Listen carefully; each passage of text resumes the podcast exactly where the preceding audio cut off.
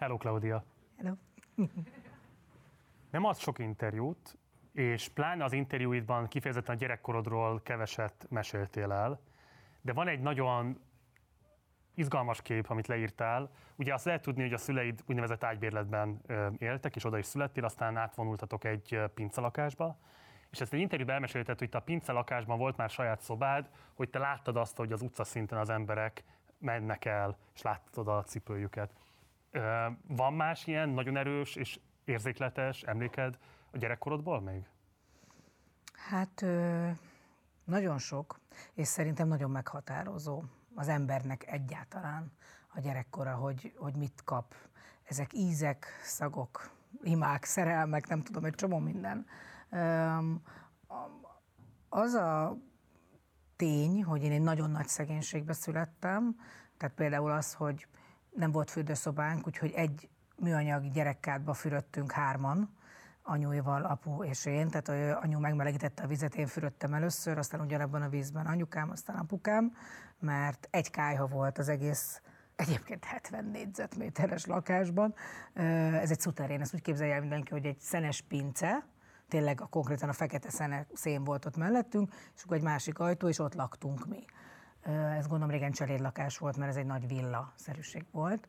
És, és arra emlékszem, hogy jött az este, nagyon utáltam a teleket, mert nagyon hideg volt, ugye egy kájha fűtött be mindent, egy, egy szén, szénkájha, nagyon hideg volt a szobámban, állandóan egyre több penész volt, volt a falon, mindig, azt onnan tudtam, mert mindig került fel egy újabb poszter, mert anyukám azzal próbálta valahogy ezt így el takarni, és hát az például nagyon komoly, meghatározó volt, hogy szerintem még 8-9 éves koromban is bepisültem, mert annyira hideg volt, és annyira tönkre mentek az izületeim, meg az egész, nem tudom, ez a rendszer bennem, hogy így csavarni lehetett az ágyneműből a vizet. Nagyon sokszor, és anyukám mindig próbált itt szállítgatni, és biztos, hogy ez annak az oka is volt, hogy valami nem működött rendesen az én szervezetemben se. Hát ezek elég erős képek, nincs meleg víz, csak hideg folyik a csapból. Hány éves korodban volt az először meg, hogy rendszeresen tudtál meleg vízzel fürdeni? Nem melegített, meleg vízzel. Ö, jött ugye a tanács, kiutalt nekünk egy jobb életet, és akkor így kerestük vagy több lakást is nézhettünk meg, és akkor anyukám kiválasztott a kelemföldi lakótelepen egyet, ami azt, azt tényleg tök jó volt. Szerintem tíz lehettem, amikor oda átköltöztünk, és és annál csodálatosabbat, és valószínűleg ezért ragaszkodom most is a padlószőnyeghez, mert az a kék-piros padlószőnyeg kombináció volt, tehát hogy padlószőnyeg van, hogy egy csapból folyik a meleg víz, na, onnantól, onnantól datálható a hirtelen megugrása. Hány éves voltál akkor? 10, 10, 10, 11, 10-11, valahogy így. De akkor az életed első egy évtizedét azt úgy élted le, hogy penész volt, hogy folyamatosan bepisültél az ágyba, és nem volt megfelelő matrac alatt, hogy nem volt meleg víz, hogy nem voltak azok az alapvető komfortfokozatok, amik kellenek ahhoz, hogy az ember lakhatása biztos legyen. Így, de mégsem voltam boldogtalan. Tehát nem ettől voltam boldogtalan, inkább ugye az apám viselkedésétől, mert alapvetően a gyerek hihetetlen alkalmazkodó. Tehát én nem láttam, hogy a más barátnőim milyen jó körülmények között élnek, és persze szerettem volna én is, de nem az volt az érzésem, hogy úristen, akkor én egy, ettől egy senki vagyok. Persze biztos kevesebbnek éreztem magam, de ez kevésbé zavart, mert egyébként uh, szenzoros tévénk volt, és az viszont így tudtam nyomkodni, másnak nem volt ilyen. Arra mit gondolsz, hogy 30 évvel rendszerváltás után a különböző kutatások azt mutatják, hogy feltétlenül sokkal több gyerek él szegénységben, és sokkal több gyerek táplált ebben az országban, mint a rendszerváltás előtt volt. Tehát a te saját élményed alapján hogyan gondolsz arra, hogy ilyen sorsa ma is tízezreknek, százezreknek juthat osztályrészül ebben az órában is, ebben az országban? Hát ez pokoli belegondolni. Tehát egyébként tényleg az, tehát nekem két gyerekes anyaként is az. Azt gondolom, hogy hogy akkor ugye nem voltak tényleg ekkora különbségek, egyszerűen a balansz jobb volt. Öm, tényleg még közveszélyes munkakerülők voltak azok, akiknek nem volt munkájuk, komolyan vették, hogy én 14 évesen nem mehetek ki úgy az utcára bizonyos időpont után, és, És bár sokkal kevesebbet keresett anyukám, és nagyon sokszor volt az, hogy megkérte, hogy adjam már oda azt a 10 forintot, amit adott nekem két héttel ezelőtt, meg eladta a gyűrűjét, amit a 25 éves munkájáért kapott, de nem volt ilyen szélsőség. És szerintem én ezt így, így gondolom, de azt érz, azt, az döbbenet, hogyha ha ez így van, és ezt mi nem látjuk, még én magam se ennyire komolyan, és nem megyek oda, és nem teszek érte valamit. Mert azért az, szóval az, hogy egy gyerek éhes maradjon, az számomra úgy elképzelhetetlen, hogy én is voltam az. De hogy ez... Éhes vagy éhező? Hát látod, ez, ez egy jó kérdés, hogy éhező. Nem, nem. Szerintem talán éhező nem. Azért az nem. Tehát azt, mivel azért az átlagkereset akkor elég hasonló volt. Tehát ahol dolgozott anyukám, a Radelkis nevű helyen, amilyen orvosi műszereket gyártottak, ugyanannyi volt a fizetése, mint a másik munkatársainak, akik lehet, hogy jobb körülmények között éltek, de ugyanannyi volt a kakaós csiga, meg az iskolatej. Tehát, hogy azért meg tudta venni azt. Nem tudtunk olyan nagy dolgokat venni, mint mások, vagy nem tudom, nem volt téli szalámi, de, de nem éheztem. Nem éheztem. Tehát ha ma éhezik egy gyerek, az, az pokoli. Az biztos, hogy az. És neked a jó lakottság élmény az mikor volt meg először az életed? Nem arról beszélek, hogy volt egy lehetőséged, és tele zabáltad magad, és aztán megint az mhm. éhezés vagy a éjségérzet dominált, hanem amikor így azt tudtad mondani, hogy ma ettem, feltétlenül holnap is fogok tudni enni, és belátható időn belül nem fog fenyegetni az, hogy éhesen kell lefeküdnöm. Mm, ez törli az agy, ezt nem, ezt nem, de nem tudok válaszolni neked. Nem tudom, az egészet valahogy Visszanézve hihetetlen, hogy én ilyen körülmények között éltem, vagy emberek élt, vagy éltünk. Tehát, hogy abban a lakásban, amiben visszamentem valóban, hogy itt élt egy család, és, és, és ez, ez egy létező élet volt, de akkor mondom, ez volt a valóság. Tehát ezen nem, nem, nem, nem tudom neked megmondani. Egyébként ez a kiskori kövérségem, ez biztos, hogy pont ebből adódott, hogy minden, amit kaptam, az gyorsan meg akartam menni, és gyorsan minden az enyém maradjon, plusz egy falat vonni magam köré, fene se tudja. Tehát, hogy ezeket egy pszichológus vagy bárki ezt biztos jobban ki tudná elemezni, én ezt nem tudom a saját életemről. De te jársz pszichológushoz, vagy jártál pontosan? Járok, járok, járok. Nagyon szeretem. A, szintén az interjúban megjelenik folyamatosan a hivatkozás arra, hogy már gyerekkorodban voltak a testsúlyoddal problémáid, vagy a testképeddel problémáid. Mi az első, mi az ősélmény annak számodra, hogy valaki azt jelzi vissza, hogy te duci vagy? Hmm. Hát valószínűleg az, amikor a farsangra készülöttünk a barátnőmmel, és nem semmilyen jelmez nem ment a jelmez kölcsönzőbe, csak a valami királylány, akit hátul egy ilyen zihereztűvel lehetett összefogni. Um, Isten, én biztos, hogy kövér csontvázzal születtem, vagy úgy érzem, vagy nem tudom. Tehát, hogy ez egy, ér, ez egy érzés. Ez egy, ez egy, mint az öröktől fogva datálódna, pedig nem. Visszanézem a képeket, pont most mutogattam a pankának képeket, és döbbenettel láttam, hát egyáltalán nem voltam az. Voltam, na, voltam olyan nagyon mm, kis felfújódott, és akkor voltam tök vékony, és még akkor is azt hittem, hogy így fel vagyok fújódva. Tehát, hogy ez, ez olyan, mint egy hájog az ember szemén, ezt, ezt nem, nem látja valósan. De hát voltak csúfolódások, tehát hogy az, az, a mai gyerekek nem csúfolódnak annyit, legalábbis az én gyerekeim nem tapasztalják, de, de nálunk nagyon komolyan, és azért mindig az a háromba benne volt, hogy szeplős pulykatojás, hogy ugye szegény anyám egyszer egyik tetőt egy ergó helyett egy vörös hajfestékkel kezelte, ettől vörös lettem, és az, hogy, hogy kis kövérke, vagy mit tudom én, kis malac. Ursula, úgy hívtak, igen. A doktor Bubóból a nagyon nagy darab kis asszisztensnő. Ez a legősibb ilyen megszigyentés élményed? Igen, egyértelműen. Egyértelműen, és ezek nagyon erősek ám, azért ezt nehéz kiütni. Nehéz, nehéz. De ezt te magad is a saját magadévát tetted, nem? Tehát Sajnos neked is az igen. volt az önképed magadról, hogy te egy elhízott gyerek lennél. Igen, és ezt a mai napig nagyon idegesítően tolom is. Tehát ugye ez egy nagy baj. És eh, pont, amit mutattál... Ma is elhízottnak látod magad? Hát pont, amit mutattál most ott azt a, azt a, azt a kis bejátszást a csinibabából. Hát döbbenet, hát én akkor borzalmasnak láttam magam. Azon a képen borzalmasnak hát látod magad? Na, tessék. Hát ez így. Ez egy örökké kísértő dolog. Ez egy nagyon nagyon hullámzó valami. És ezt nem... valaki megtanította neked nyilván, tehát ez nem magától alakítja ki magáról az ember, ezt megtanítja neki a környezet, hogy neki bármilyen problémája lenne, akár a szeplőivel, akár a testsúlyával. Ki az, aki ezt neked megtanította? Szerintem nem úgy tanítja meg, hanem inkább előre menekülsz. Tehát én vagyok az a fajta, többfajta ember van, én, aki mm, nagy a kabát, nem baj, fölveszem, majd belenövök. De most ezt nem konkrétan mondom, hanem úgy, hogy hogy ezt a képet akarjátok rólam látni? Ezt sugaljátok? Vagy valaki azt mondja rólad, hogy, hogy szeplős tojás, tök mindegy, hogy ő azért mondja, hogy őre ne vegyék észre, hogy 87 pattanás van a fején, mert előrébb tart abban az agresszióban, vagy abban a szúrásban. És van, akinél betalál. Nálam betalált, és nálam én nagyon-nagyon hiszékeny ember vagyok. Tehát ha most azt mondod, hogy kezd kinőni egy másik fejem, elkezdem elhinni. Tehát, hogy én alapvetően egy kicsit olyan vagyok, a Woody Allennek van a Celik című filmje, amiben, hogyha zsidó rabbi mellé állok, öt perc múlva zsidó rabbiként néz ki. Tehát én ilyen vagyok, hogy egy kaméleon, hogy úgy, ami, amit a... Ez egy védelmi reflex? Biztos, hogy az. Igen? Persze, biztos, hogy az. Meg úgy jobb, ha előre, tudod, ez a sziránó, magamat kigúnyolom, ha kell.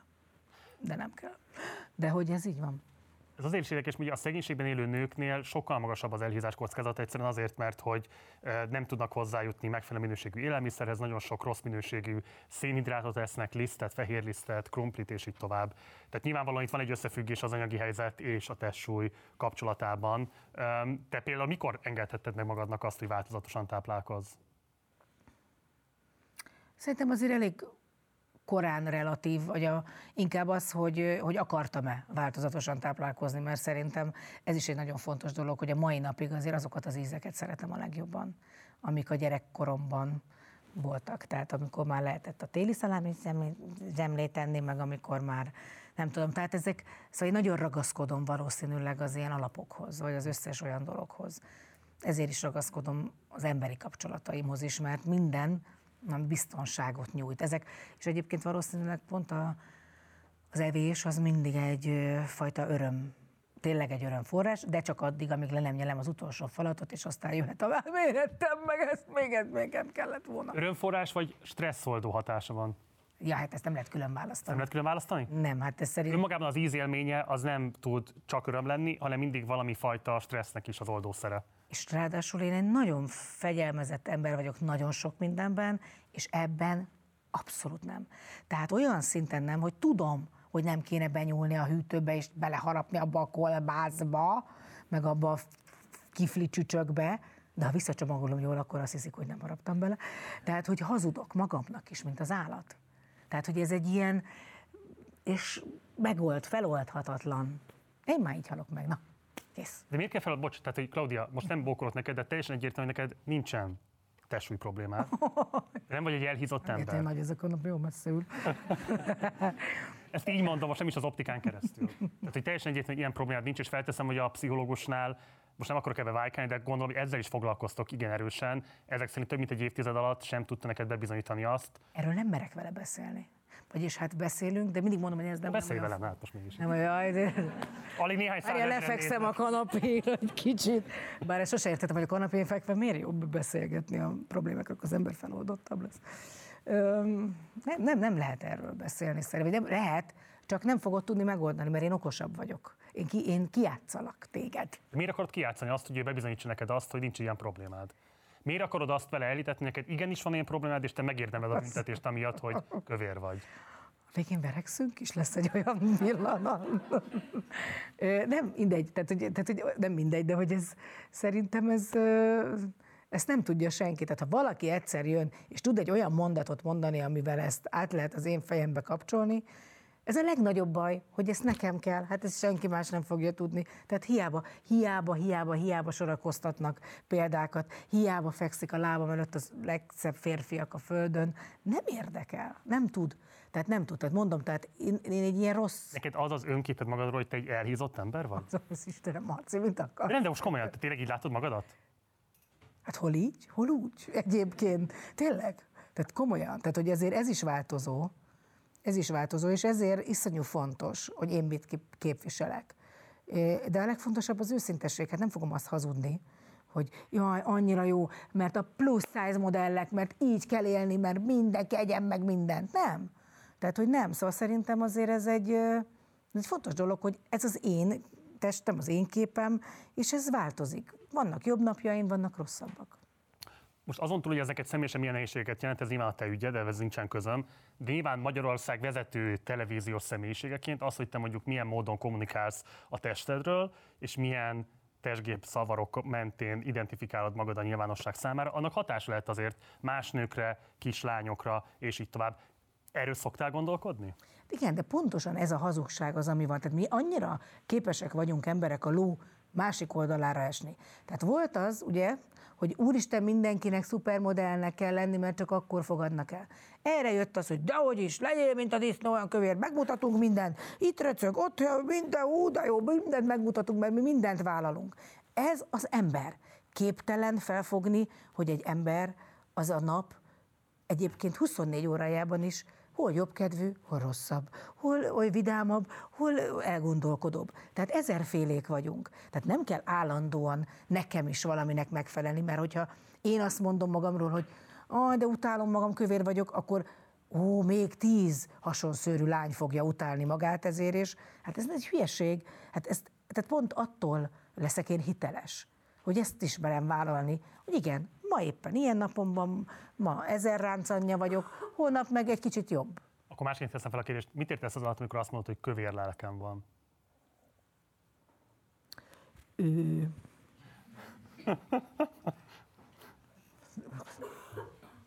Ez isteni hangzik, de hogy nem, nem tudom, mit tudom én. Hagyjál már végén ezzel a sok hülye kérdéssel. Csak tényleg erről fogunk beszélni, hogy most is föl. De, de hogy érted, azt jelenti, nem tudom, ilyen nagy szívű vagy, vagy nagy lelkű vagy, vagy az, vagy az, hogy lelkiekben vagy elhájasult? Ez mit jelent? Jaj, de szépen fogalmazol. Lelkiekben. Hát jó, hát jó. Nem, egyébként az biztos, hogy nem. Kövér a lelkem, hát jó, ez is valami szlogen volt, tuti, mert hogy ez... Nem, nem tudom. Kövér a lelkem. Hát, hogy, hogy pontosan az szerintem, hogy sebezhető vagyok. Tehát, hogy egy sebezhető lény vagyok, tehát és ezzel nincs baj. Uh-huh. Hogy nem, nem kell tökéletességet mutatni, és pontosan ezt se akarom. Tehát engem nem azért követnek, vagy szeretnek, vagy gyűlölnek, mert, mert, mert egy olyan eszméket vallok, amit most vagy követni, vagy szeretni, vagy utálni kell, hanem mert olyan vagyok, mint egy ember, mondom. Tehát a, a kövér a lelke, nem tudok erre neked válaszolni. Neked milyen a lelked? Hát nem kövér. Nem? Vagy nem tudom, hogy az mit jelent. Ha tudnám, akkor lehet Hát egy például nagyon fontos. Te, mert az, ez itt a legfontosabb, hogy önazonosság van? Tehát, hogy te például a Gulyás Marci ugyanígy kisgyerekként, mint most, Hát nem tudom, meg ez most nem az te interjúd velem, majd egyszer megcsináljuk azt is, most még egyre én kérdezek Ó, rá, de szívesen Ez egy fontos rész, alkalommal. mert én például legalább két emberből állok, nem skizofrén vagyok, hanem, hanem, hanem hogy látom magamat kívülről. Tehát az a Klaudia, aki ott volt a kis kék kádban és lögybölte a kis testét, az néha rácsodálkozik, hogy ki a tököm ez a Liptai Klaudia akit nagyon örülök, hogy C-vel írtatok, mert egyébként ez 25 év alatt nem sikerült sok mindenkinek megjegyezni, nem K-val írom. És, és az, hogy, hogy ez nekem egy komoly szellemkép. Tehát a Junosztyot meg kellett így ütögetni, hogy összeérjen minden. Egyébként érdekes mondani ezt a kettősséget, mert hogy ez szerintem így végigkísér igazából a nyilvánosság előtti szereplésedet, tehát hogy így a magad megjelenítésében így két alaptípus dominál, az egyik egy ilyen túlfűtött, túlszexualizált, vörös szőke démon, aki férfiakat fal, a másik meg valóban ez a kislány, aki ott van a kádban, és csodálkozva néz rá mondjuk erre a vörös démonra, vagy szőke démonra, hogy mégis mit csinál. Hogyan békülsz meg ezzel a két típusú személyiségvonásoddal, vagy hogyan hozod ezeket közös nevezőre? Hát az idő előre haladtával jó lenne az a régi démon, tehát azért visszakapnám egy kicsit. Mire elvesztetted, azt gondolod? Biztos, hogy azért szelidült. Hogy mondjam, elégedetlen egy kis dög vagyok. Tehát akkor mindig azt szerettem volna, hogy fogadjanak el, és a gondolataim legyenek a fontosabbak, ne a testemet lássák komolyan. És most meg azért olyan jó lenne, hogyha valahogy ezt a kettőt úgy össze lehetne hozni. Tehát, hogy egy, hogy egy kicsit még úgy lehessen így csinálni, és nem, nem mondják azt, hogy ah, te már nem csinálsz így, de közben azért az értelem is, ami megcsillanni látszik, az, az is úgy ott legyen. Tehát ennek megint ez a balansz, ez a, ahogy az én kedvenc Poirot mondja, embalance. Tehát, hogy az, az fontos, ez az egyensúly. Ezt nagyon nehéz megtalálni szerintem. Mert az a benyomásod, hogy te ma már kevesebb férfi vágyainak lehetsz a tárgya, mint voltál mondjuk korábban egy évtizeddel ezelőtt? Hát más korosztály. Hát, hát hogy is mondjam? Hát nagyon remélem, nem bokkolnak eleget, úgy hallom. Nagyon remélem, hogy nem. nem, az az igazság, az anyukám olyan volt, és annyira, tehát ő az utolsó pillanatáig nő volt. És tudtam, hogy akkor fog meghalni, amikor már nem fogja érdekelni, hogy lenő a haja, vagy már nem olyan, nem úgy néz ki. És, és ez annyira igaz, hogy, hogy ezt, ezt kapod. Tehát ezt, Szóval ez így van, tehát ez, ez valamitől úgy van. És néha úgy berakja az ember egy fedő alá ezt a valamit, az ott fortyog, és ezt jól kell tudni használni. Szerintem az egy fontos dolog, hogy, hogy, hogy én mindig nő maradok valószínűleg, és mindig ezzel operálok, és nekem fontos, nagyon fontos, hogy egy férfi úgy nézzen rám. És én szeretem az utón, utánam füttyögő munkásokat az úton, és én utálom a MeToo mozgalmat. Tényleg? Igen. Nő nem ült még ezen a kanapén komolyan, aki egyet értett volna azzal, hogy a MeToo az jó. Ki, ki, hogy nem volt még nő? Senki, nem, mindenki gyűlöl. Hát mert tényleg, hát komolyan, főleg az én szakmámban. Tehát mindig megbeszéljük a Rudi Petivel, mondtam neki, hogyha nem csapsz oda a seggemre egyet, mielőtt bemegyünk, ez egy ilyen szokás, nem, persze nem, nem simogatod meg a hátamat, kikérem magamnak. Jó, a színe, színész az egy más állatfajta, tehát az bemutatkozik és már csókolózik, mert azt írta a szerző, de alapvetően én szeretem, hogy nőnek néznek, és persze azt is akarom, hogy elfogadjanak, de ha lehet választani, inkább nőnek nézzenek. Mint azt, Bocs, a nőnek nézni az azt jelenti, hogy a testi önrendelkezésed fölött nyugodtan hunyjon szemet a férfi, és csapkodjon, ha kell, húzza magához, ha kell, érvényesítse rajtad az akaratát, ha ahhoz van kedve. Most a pillanat, kiről beszélsz? Tehát a férfi, aki közelít hozzád. Hát várjál, nekem van egy férjem, tehát most... Hát, jó. Azt mondtad a Rudi Peti... mondjuk el itt az adásban. nem, hát ez, e- e- nem, hát én, ezt tudja az én férjem is, tehát, hogy én egy egy olyan ember vagyok, akinek kell, a, tehát ez nem a flirt, nem akarok rossz szót használni, aztán kiforgassák, de hogy hát iszonyú fontos. A visszaigazolás, értem. Így van, ez kell. De ez is biztos, hogy valami olyasmiből adódik ez a kicsi gyerekség, vagy ebből a rossz indulásból az életben, hogy, hogy én csak akkor hiszem el, minden szempontból egyébként az életemben, hogy állandóan megkapom, visszakapom, és, és jön vissza az energia, és visszacsatolás kapok. Ez a gyerekkori önbizalomhiány, és ez a visszacsatolás igény, ez a testképpel van összefüggésben inkább, vagy az, mit mondtál, az intellektuális visszaigazolással, tehát hogy értékelnek téged, mint a nyilvánosságban szereplő, gondolatokkal rendelkező lényt?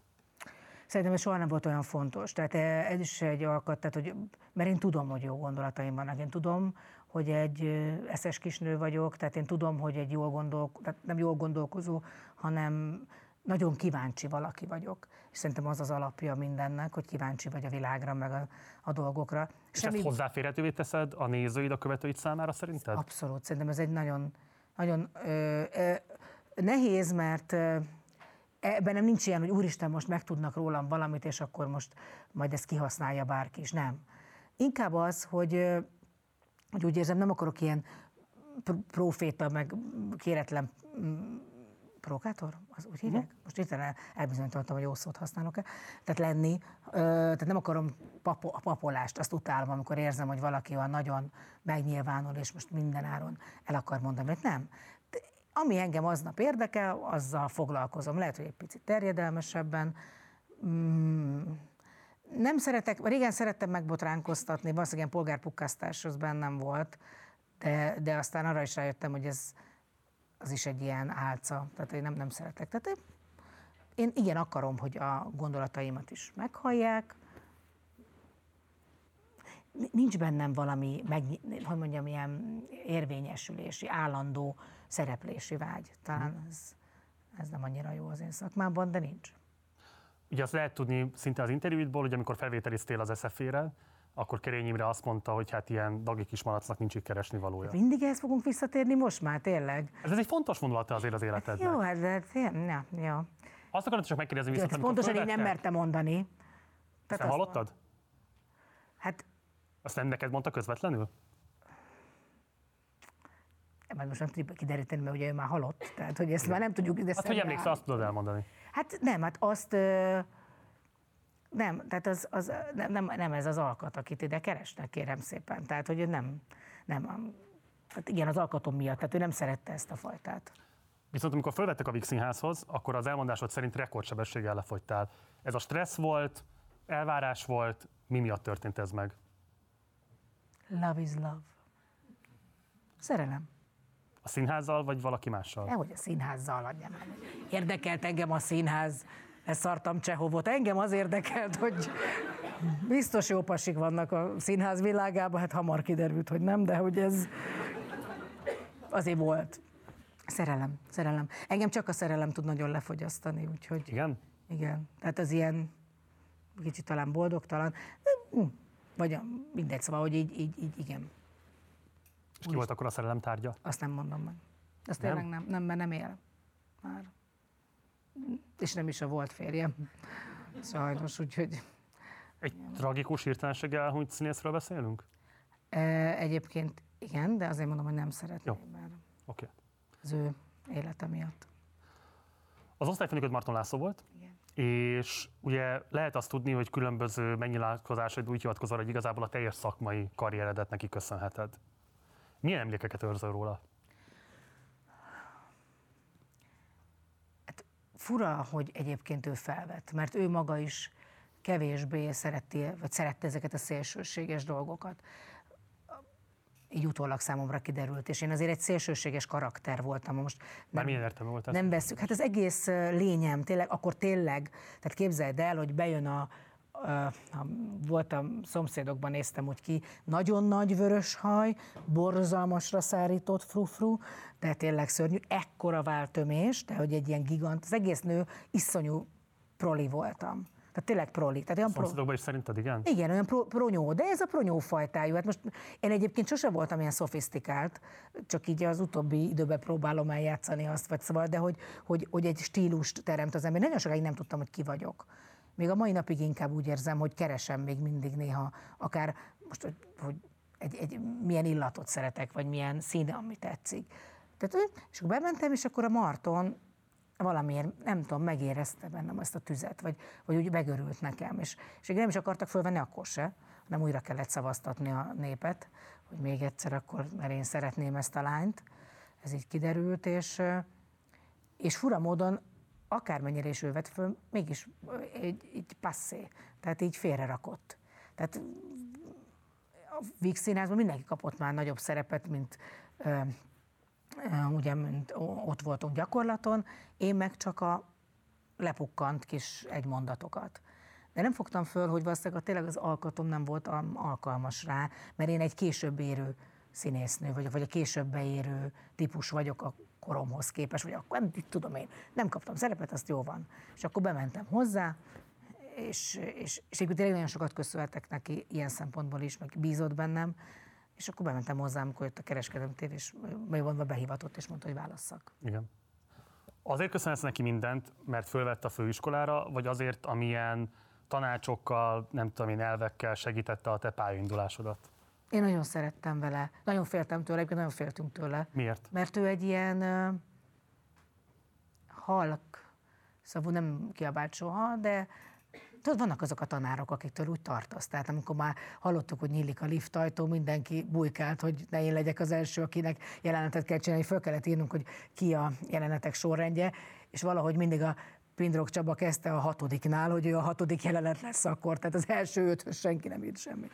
Féltünk tőle, féltünk. Veszélyes, szóval ezért az első rostán kirúgott három embert rögtön, tehát hogy, hogy ő olyan tekintélyt parancsoló volt, nem is jó szó talán a félni, hogy tekintélyt parancsoló volt. És, és, és egyébként tök egy az egy. Tehát nem, nem, nem, tehát nem voltak meglepetések nála. Ugye a magyar nyilvánosságban Marton László leginkább az utóbbi időszakban már a MeToo mozgalom kapcsán fölmerült vádak miatt híresült el. Ugye többen megvádolták azzal, hogy zaklatta őket. Kiderült egyébként, hogy Kanadában, ahol dolgozott, az ottani színházból ki is tiltották azért, mert nem megfelelő módon bánt a színészekkel. Te a MeToo botrányok kitörése előttig bármilyen módon értesültél arról, hogy Marton Lászlóval szemben megfogalmazódtak ilyen vádak, vagy hogy vannak ilyen vádak vele szemben? Soha nem merném azt mondani neked, hogy nem jó a kérdés, de ez, tehát én azt tudom neked erre azt tudom mondani, hogy én soha nem tapasztaltam semmi ilyesmit. Az osztályon belül sem tapasztaltunk ilyesmit, tehát ezt, amikor ez az egész kirobbant, akkor mi összeültünk, mint osztály, és, és végig beszéltük, hogy bármelyikünk is. Igen? Bármit, persze. Tehát ez egy fontos kérdés volt, hogy ez soha senki semmit nem tapasztalt ebből. Tehát azt arra nem tudok választ, hogy a többiek valós tapasztalat alapján vádolták-e meg a tanárurat, vagy valótlan, ezt nem tudom. Benned él a gyanú? Hogy valótlan?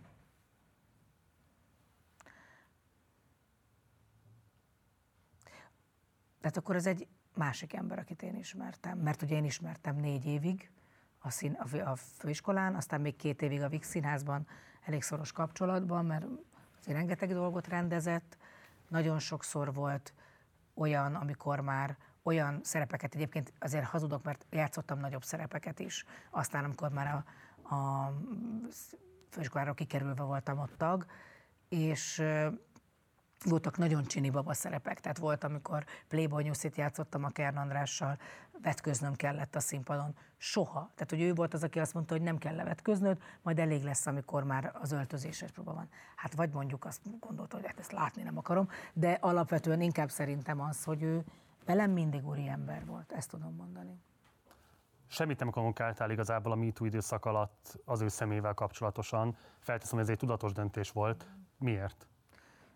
Mert azt gondolom, hogy egy az, hogy nagyon beteg volt már akkor a tanár úr, amikor ez az egész ugye kirobbant, és az, hogy én felé mit kommunikáltam, és hogy mit jeleztem, vagy mit gondoltam erről, az az én saját dolgom. De hogy én ezt közreadjam, ezt pedig úgy gondoltam, hogy nem fogom olyan helyzetbe hozni magam, amikor el kell kezdenem majd ezt magyarázni, és egy picit sajnálom is, hogy azt, amit most elmondtam neked, ezt nem mondtam el akkor. Mondjuk senki nem kérdezett meg. Most te megkérdeztél. Nézzük meg egy rövid videós összeállítást arról, hogy Sáros Didila és mások pontosan mivel vádolták meg Marton Lászlót, és aztán szeretnék egy valamit megkérdezni tőle ezzel kapcsolatban. Az illető Marton László, a Víg Színház egykori igazgatója, rendező és egyetemi tanár. Bejártam hozzá próbákra, ott mindenféle testi ölelés, simogatás, véletlenül hozzáér a mellemhez dolog volt, rákérdeztem, hogy én úgy gondolom, hogy maga többet is akar tőlem. És erre az volt a válasz, hogy nem gondolod rosszul. És erre én elsírtam magam tehetetlenségemben, hogy összeomlott egy egész világ bennem, ami egész életembe készültem. És a sebezhetőségemet kihasználva erre még volt arca azt mondani, hogy mennyire szép vagyok, mikor sírok. Én hülye liba azon gondolkoztam, hogy esetleg megfogja a kezem, és talán még csók is lesz a végén. Nem az lett, hanem megfogta a kezem, és odaúzta a slicihez. Amikor elkaptam, újra megfogta, és visszatette. Még csak nem is húztam el a fejemet. Hagytam, hogy megtörténjem. Rosszul esett, amit csinál, de másokkal ellentétben engem nem traumatizált. Talán azért nem, mert rettenetesen naív voltam, és azt hittem, ilyenek a férfiak. Ilyen egy viszony. Benéztem. Két vallomás abból a hétből, amelyet a 444 újságírójának meséltek el az elmúlt napokban Marton László újabb áldozatai. Amikor egy 18 éves lány, csak hogy tisztázzuk, beszáll egy ilyen autóba, és egy férfi föltérdel vele szembe, és ö, odalógatja a szájához a nemi szervét, ez nem közeledés, hanem kényszerítés. Ezt így hívják. Ez egy nagyon nehéz kérdés hogy nyilvánvalóan Marton László az a mester az életedben, akihez alapvető szakmai élmények fűznek, és aki a saját elmondásod szerint is, aki nélkül nem az lennél ma, aki vagy. És van ez az ember, akiről feltételezhetően megalapozottan állítják sokan, hogy egy szexuális ragadozó, egy szexuális zaklató. És engem nagyon-nagyon érdekel az, hogy mi játszódik ilyenkor egy emberben, amikor van egy ilyen erőteljes leköteleződés valaki iránt, akiről közben meg mások tényleg, hát nem hiszem, hogy van okunk megkérdőjelezni, hogy amit ők megéltek, azok valós zaklatási történetek, hogy ezt hogyan lehet kezelni, egyáltalán mit lehet ilyenkor mondani az illetőnek, hiszen akkor még ért Marton László. Hogyan rendezted ezt magadban ezt a típusú kettősséget? Na, hogy ezzel vitatkoznék, szerintem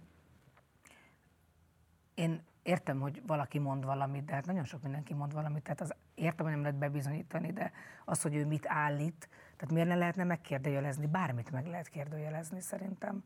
Akkor itt kérdezem meg, te nem tartod valósnak azokat a történeteket, amelyeket megosztottak ezek a nők Sáros Drilla nyilvánosságban? Továbbra is csak azt tudom mondani, kicsit olyan érzem magam, mint úristen, amikor voltam a bíróságon, hogy, hogy, hogy én mit tapasztaltam. Tehát uh-huh. én nem tudok az ő nevükbe beszélni. Ezt ő mondja, ő állítja, ez az ő és Marton László története. Nekem van egy történetem Marton Lászlóval, amivel soha nem tapasztaltam ilyesmit. Uh-huh.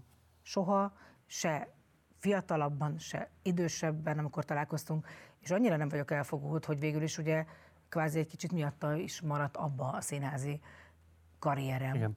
Tehát düböl még mondhatnám is, de én soha nem mondok semmit düböl.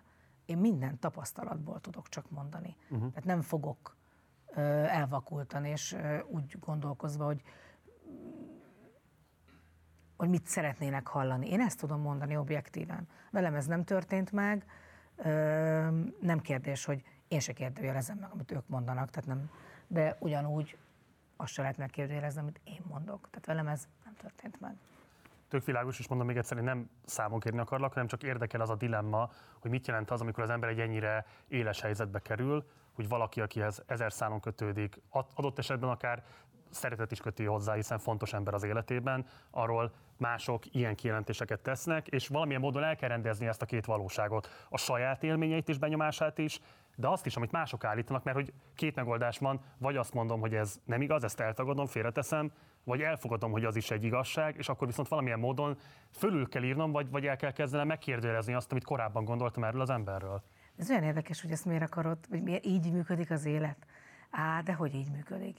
Szerintem nagyon sok szörnyeteg van a világon, akit szeretnek, mert biztos, hogy szerethető is. Én azt, én azt gondolom, hogy amikor ez megtörtént, elkezdtem gondolkozni, persze én is, hogy, hogy vajon van-e emlékem erről, amire azt gondoltam, hogy ez nem az, tehát ahogyan az a hölgy mondta, hogy nem tudta, hogy ez most akkor minek véje, de, de nem, nem, nem, tehát nem volt ilyen emlékem, és, és én nem is tudok így belehelyezkedni annak a fejébe, akivel ez megtörtént. Ha megtörtént, az a baj, hogy ez egy, szóval egy olyan dolog, amit nem lehet, tehát én azért nem utálhatom őt jobban, mert valaki mással mit tett. Nem kérdés, hogy, hogy, hogy a tetteink határoznak meg minket, és, és az, de nagyon nehéz egyébként visszagondolni 25 év táblatából.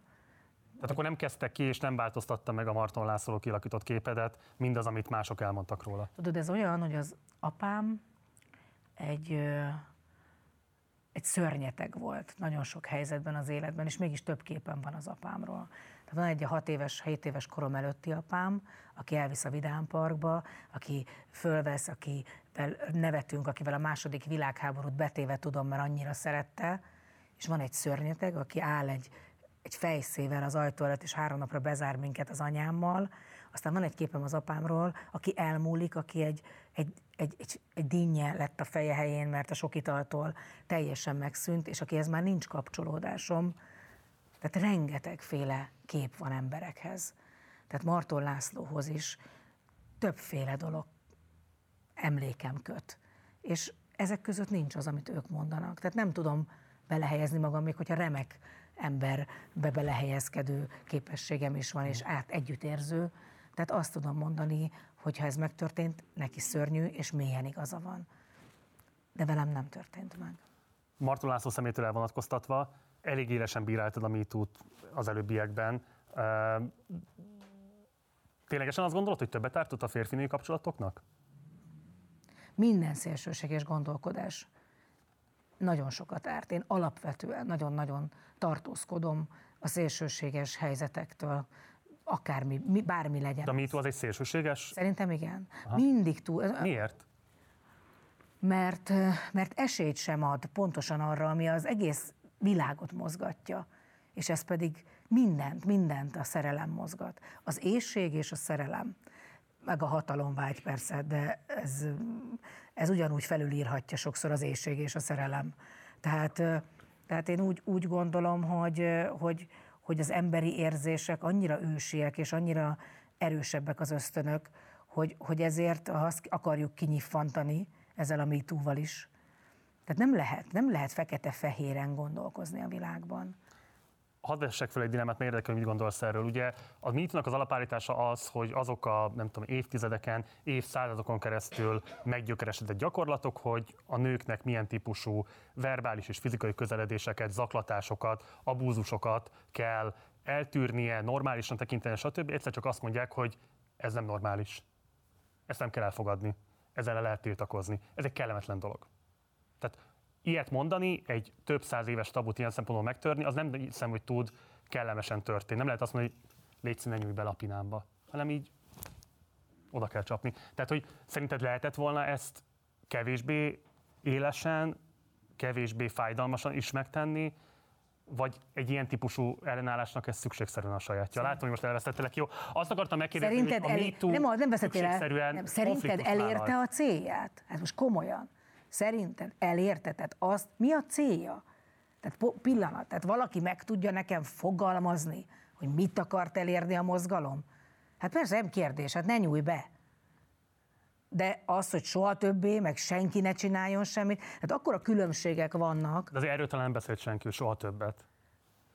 Hát persze, mert azt meg azt is kikérné magának a vezetője, ami túl mozgalom, azért az se. Nem. Tehát én azt gondolom, hogy hogy minden alkalommal, de nem tudom, egyébként valószínűleg ez is valamiért a természete az embernek, vagy most itt tart az emberiség, hogy most szükségünk van ilyen nagy, nagy mondatokra, mert annyira alacsony az inger küszöb, annyira már nagyon nehéz bárkit felpiszkálni bármivel, tehát tehát például a te, és most nem azért, mert én itt ülök, a te műsorod az egy, az egy, egy, egy egészen új szín a palettán, mert végre újra érdekli valami az embereket. Már nagyon nehéz nagyon nehéz egy kicsit fölhabosítani. Ezért kellenek ezek a helyzetek, vagy ezért alakulnak ki ezek a helyzetek. Nem kérdés, hogy biztos, hogy van alapja ennek is, meg, meg van, de nem, tehát én a megoldás soha nem abban látom, hogy ha minél hangosabban ordítunk, akkor majd meghallják. Ez a igazi magyar szokás. Ha hangosabban mondom, akkor hát, ha megérti az a nyomorult ott Londonba, hogy merre akarok menni.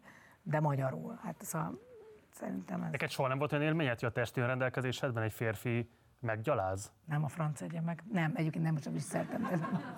Nem, nem, nem. Tehát ez például nekem teljesen kimaradt. És olyan nőismerősöd sincs? A divány, az a híres szereposztó. De nőismerősöd sincs, akinek hasonló tapa? Nincs. Nincs. Hm.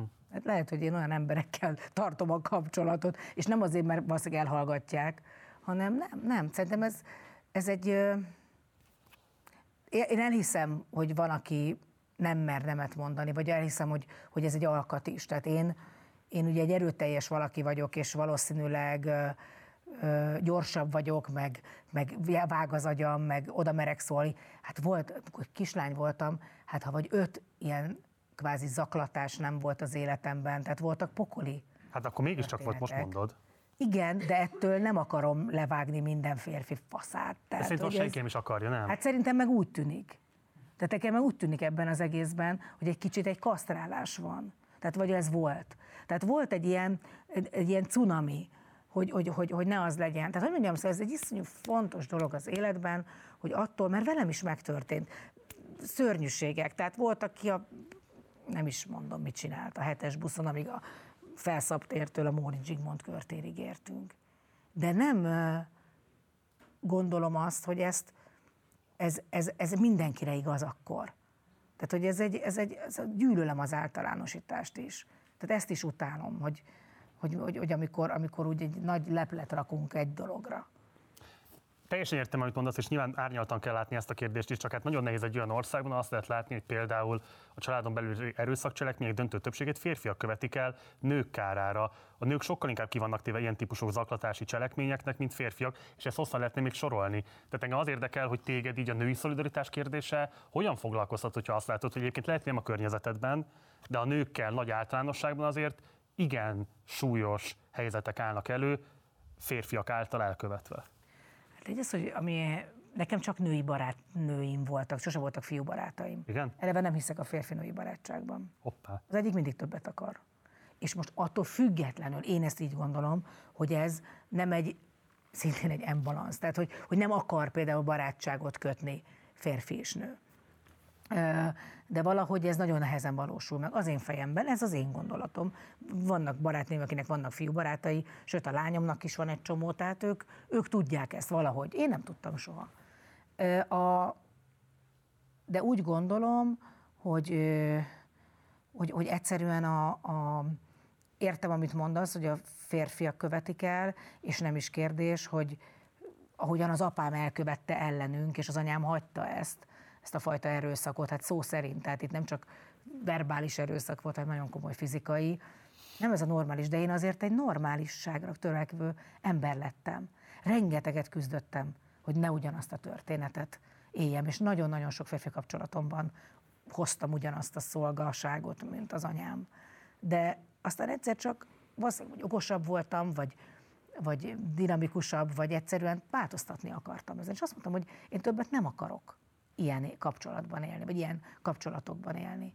És tudom. Nem, ez egy nagyon erős állítás, és ez szerintem egy nagyon erős, nyilván lelki alkatra is val, csak kérdés, hogy ez mindenkinek a sajátja. Abszolút igazad van, és ez a legfontosabb, hogy persze a, szerintem, ha ilyet tapasztal az ember, vagy ilyet él meg, ez a legfontosabb, hogy hangja legyen, tehát hogy segítséget kérjen. Szerintem ez ezt a legnehezebb ma, és ezért vagyok haragos egyébként a MeToo mozgalomra, mert ezt nem érte el. Tehát attól még, mikor történt ez, hány éve, attól ma a nők jobban merik azt mondani, hogy nem tudom, nyilván ez egy összetett dolog, és ez egy dinamikus kérdés, de hogy mint hogyha haragosabb lennél azokra, akik a megalázottságukat tematizálják, ne, mint azok, is. akik a megalázást ne, elkövetik. Ne, ne, ne, ne, ne, ne forgass ki a szavaimat, ne, ne, ne, ne. Nem, egyáltalán nem. Nem, dehogy is. Én csak azt szeretném, hogy olyan mozgalmak jöjjenek létre, amik elérik a céljukat. Tehát ne az legyen a mozgalom célja, most ebben a pillanatban rohadt hangosan ordibálunk, és dögölje meg mindenki, mert hiszen mitől érezte sok nő, ahogyan te is mondod itt a kanapén, hogy nem kell ez a MeToo mozgalom. Kellenek mindenféle mozgalmak, mert abból nőnek majd ki valószínűleg a jó, a valódi megoldást kínáló mozgalmak. Csak csak, csak sose jó a szél, mondom, a szélsőség a, a, a baj, mert attól mindenki el akar határolódni, vagy legalábbis az emberek nagy része azt mondja, hogy ezzel nem tudok azonosulni. Hát azt én nem akarom azért, hogy senki ne szeressen, vagy senki ne simogasson meg. Tehát, hogy ez, ez valahogy ezt, ezt kéne, lehet, hogy nem jók a vezetői, vagy mindig úgy érzem, hogy ezek a szüfrezsett nők, ezek igazából férfiak. Tehát, hogy az a baj, hogy... Hát de neki köszönheted, hogy például most itt ülhetsz. Hát szerintem meg magamnak. Tehát ne haragudj. Tehát ahogy mondod, én egy női nő vagyok, tehát én szerintem nagyon fontos, hogy, hogy, hogy, hogy attól, hogy egy nő vezető lesz, vagy egy nő kiragyog a tömegből, attól pont a nőiséget erősítse. Tehát ne akarjon férfias nő lenni, és mindig úgy érzem, hogy akik ezt csinálják, azok ilyen férfias nők. Én véletlenül sem a tehetségedet kérdőjeztem meg, vagy ja, relativizáltam. Nyugodtan megkérdőjelezheted. Véletlenül sem vettem ennek ilyesmire. Nem, hát azt mondom, hogy nyilván nagyon sok nőtársadnak a múltbeli küzdelme hozta el azt az eredményt, hogy egy nő például ma ilyen típusú szerepeket is betöltött a társadalomban. Hát ez olyan nehéz egyébként ezt realizálni. Tehát, hogy, hogy egyes, hogy nem vagyok történész, nem vagyok ö, valaki, aki ezt ennyire átlátja. Nem, nem, tehát én nem ában élek ebben a pillanatban. És én megteszem, amit lehet, és azt, az, nekem az a dolgom, hogy ö, én vállaljam azt a fajtaságomat, ami vagyok, és ezzel akár reményt adjak. Egyébként ez egy nagyon fontos szerep is, mert ami megdöbbentő, hogy mennyi fiatal van, aki, akinek például egy példát tudsz mutatni. Hogy van, van lehetőség a nagyon mélyből, a nagyon semmiből, nőnek maradva azért ö, sikert elérni. Hát egy erőteljes példaadásod biztos, hogy már beírta magát a médiatörténetbe Magyarországon, ezzel kapcsolatosan. Ugye volt egy elhíresült interjúja Havas Enriknek a Mokkában műsorvezető társatként, amely után hát rendesen leszetted a tíz körméről. Nézzük meg most ezt a bejátszást, ne, és aztán beszélgessünk megvan, Jézusom, szegény tanárnő. Na, a Lengyel Gyula szakközépiskolából is van Pécsi Ágnes, önészségsztrájkol, ugye? Hétfőig csak folyadékot vesz magához, ott a vize. Köszönöm. Varga Zsuzsanna igazgatóhelyettes, aki viszont nem éjségsztrájkol. Ön miért nem vállal szolidaritást? Nem provokálom, nem akarom rábeszélni, csak kérdezem. Hát mert a tanévet ezt továbbra is le kell bonyolítani, és az mellett a munkamennyiség mellett, amit el kell végezni, ezt én nem tudom megtenni, mert nincs miből nagyon már leadni. Hát igen, önnek esetleg a férje is örülhet, hogy azt hiszem, hogy gyakrabban kellene éjségsztrájkolni, most nem akarok ezen ironizálni, de tényleg van miből, tényleg. Azt hiszem két és fél évet még sose szégyeltem magam ennyire havas Henrik miatt, de most megteszem. Hogy mondhatod ti ez? Hogy, hogy jön maga ahhoz, hogy egy ember, aki kiáll egy eszme mellett, vagy valami mellett, annak azt mondja, hogy, hogy jót tesz majd a férjének, hogy maga le fog fogyni, mert az, mert, mert az még szeretni fogja a férjét. Maga valaha valami mellett kiáll. Maga egyáltalán odafigyel? Hát hogy ne figyelj, tudja mit? Ne Itt üvölcsön. a vezérlőben az emberek így leborultak. Hogy Süketek. képzeli? Ugyanis az igazgató helyettes asszonya azt mondta, hogy ő nincs rászorulva arra, hogy éjségsztrájkoljon. Ő adta a magas labdát, az Isten áldja meg, hát legalább figyeljen arra, hogy miről beszélek. Nem én hoztam szóba, az igazgató helyettes Hogy asszony. képzeli? Most komolyan? Most mondom, az igazgató helyettes asszony azt mondta, hogy nekem nem kell éjségsztrájkolni. Erre én vettem a lapot, és azt mondtam, hát a kolléganőjének sajnos igen. Nem én kezdtem, az igazgató helyettes Ez asszony. marha nagy. De nem én kezdtem, az ő poénja volt, nem érti? Mert ön nincs rá. Az, engem állandóan cseszegetni miatt ez egy dolog, mert én meg tudom védeni magam, de itt van egy hölgy, aki először... De nem érti, hogy a kolléganője kezdte ezt, nem én. Most már 20-szor mondom Hát magának. ez az. Döntsék el a nézők, hogy kinek van igaza. Jó, írják meg. Kicsi az esély rá, hogy magának van igaza. Ez csodálatos jelenet. Ez, ez, ez komoly, és ez a harmadik vagy negyedik nap, vagy nem is tudom, valami tök elején volt, a, Igen. akkor elkezdtük. Igen. Szeptember 1-én kezdtük a mokkát, és ez valami harmadik napon, és még kint a folyosón is ott anyáztunk. Csodál, imádom. Henrik, Henrik egy csoda volt. Tehát a legjobb, a legjobb három éven volt egyébként, tehát a tanul, tanulás szempontjából. Hát de közben meg úgy nyilatkoztál róla, hogy sokszor sírtál mellette. Én. Igen. Hogy sírtál reggelente, hogy például odaállt melléd egyszer, és azt mondta, hogy ki fogom magát rúgatni. Az, de úgy, az, igen, 6 óra 55-kor kezdődött a műsor, és 53-kor a sötétben, biztos éppen éjszaka nem volt olyan jó kedve, és azt mondta, hogy na én holnap magát kirúgatom. Mondom, tessék? Na jó, hát ebből elég, magából elegem van. Jó reggelt kívánunk, ez itt a munka.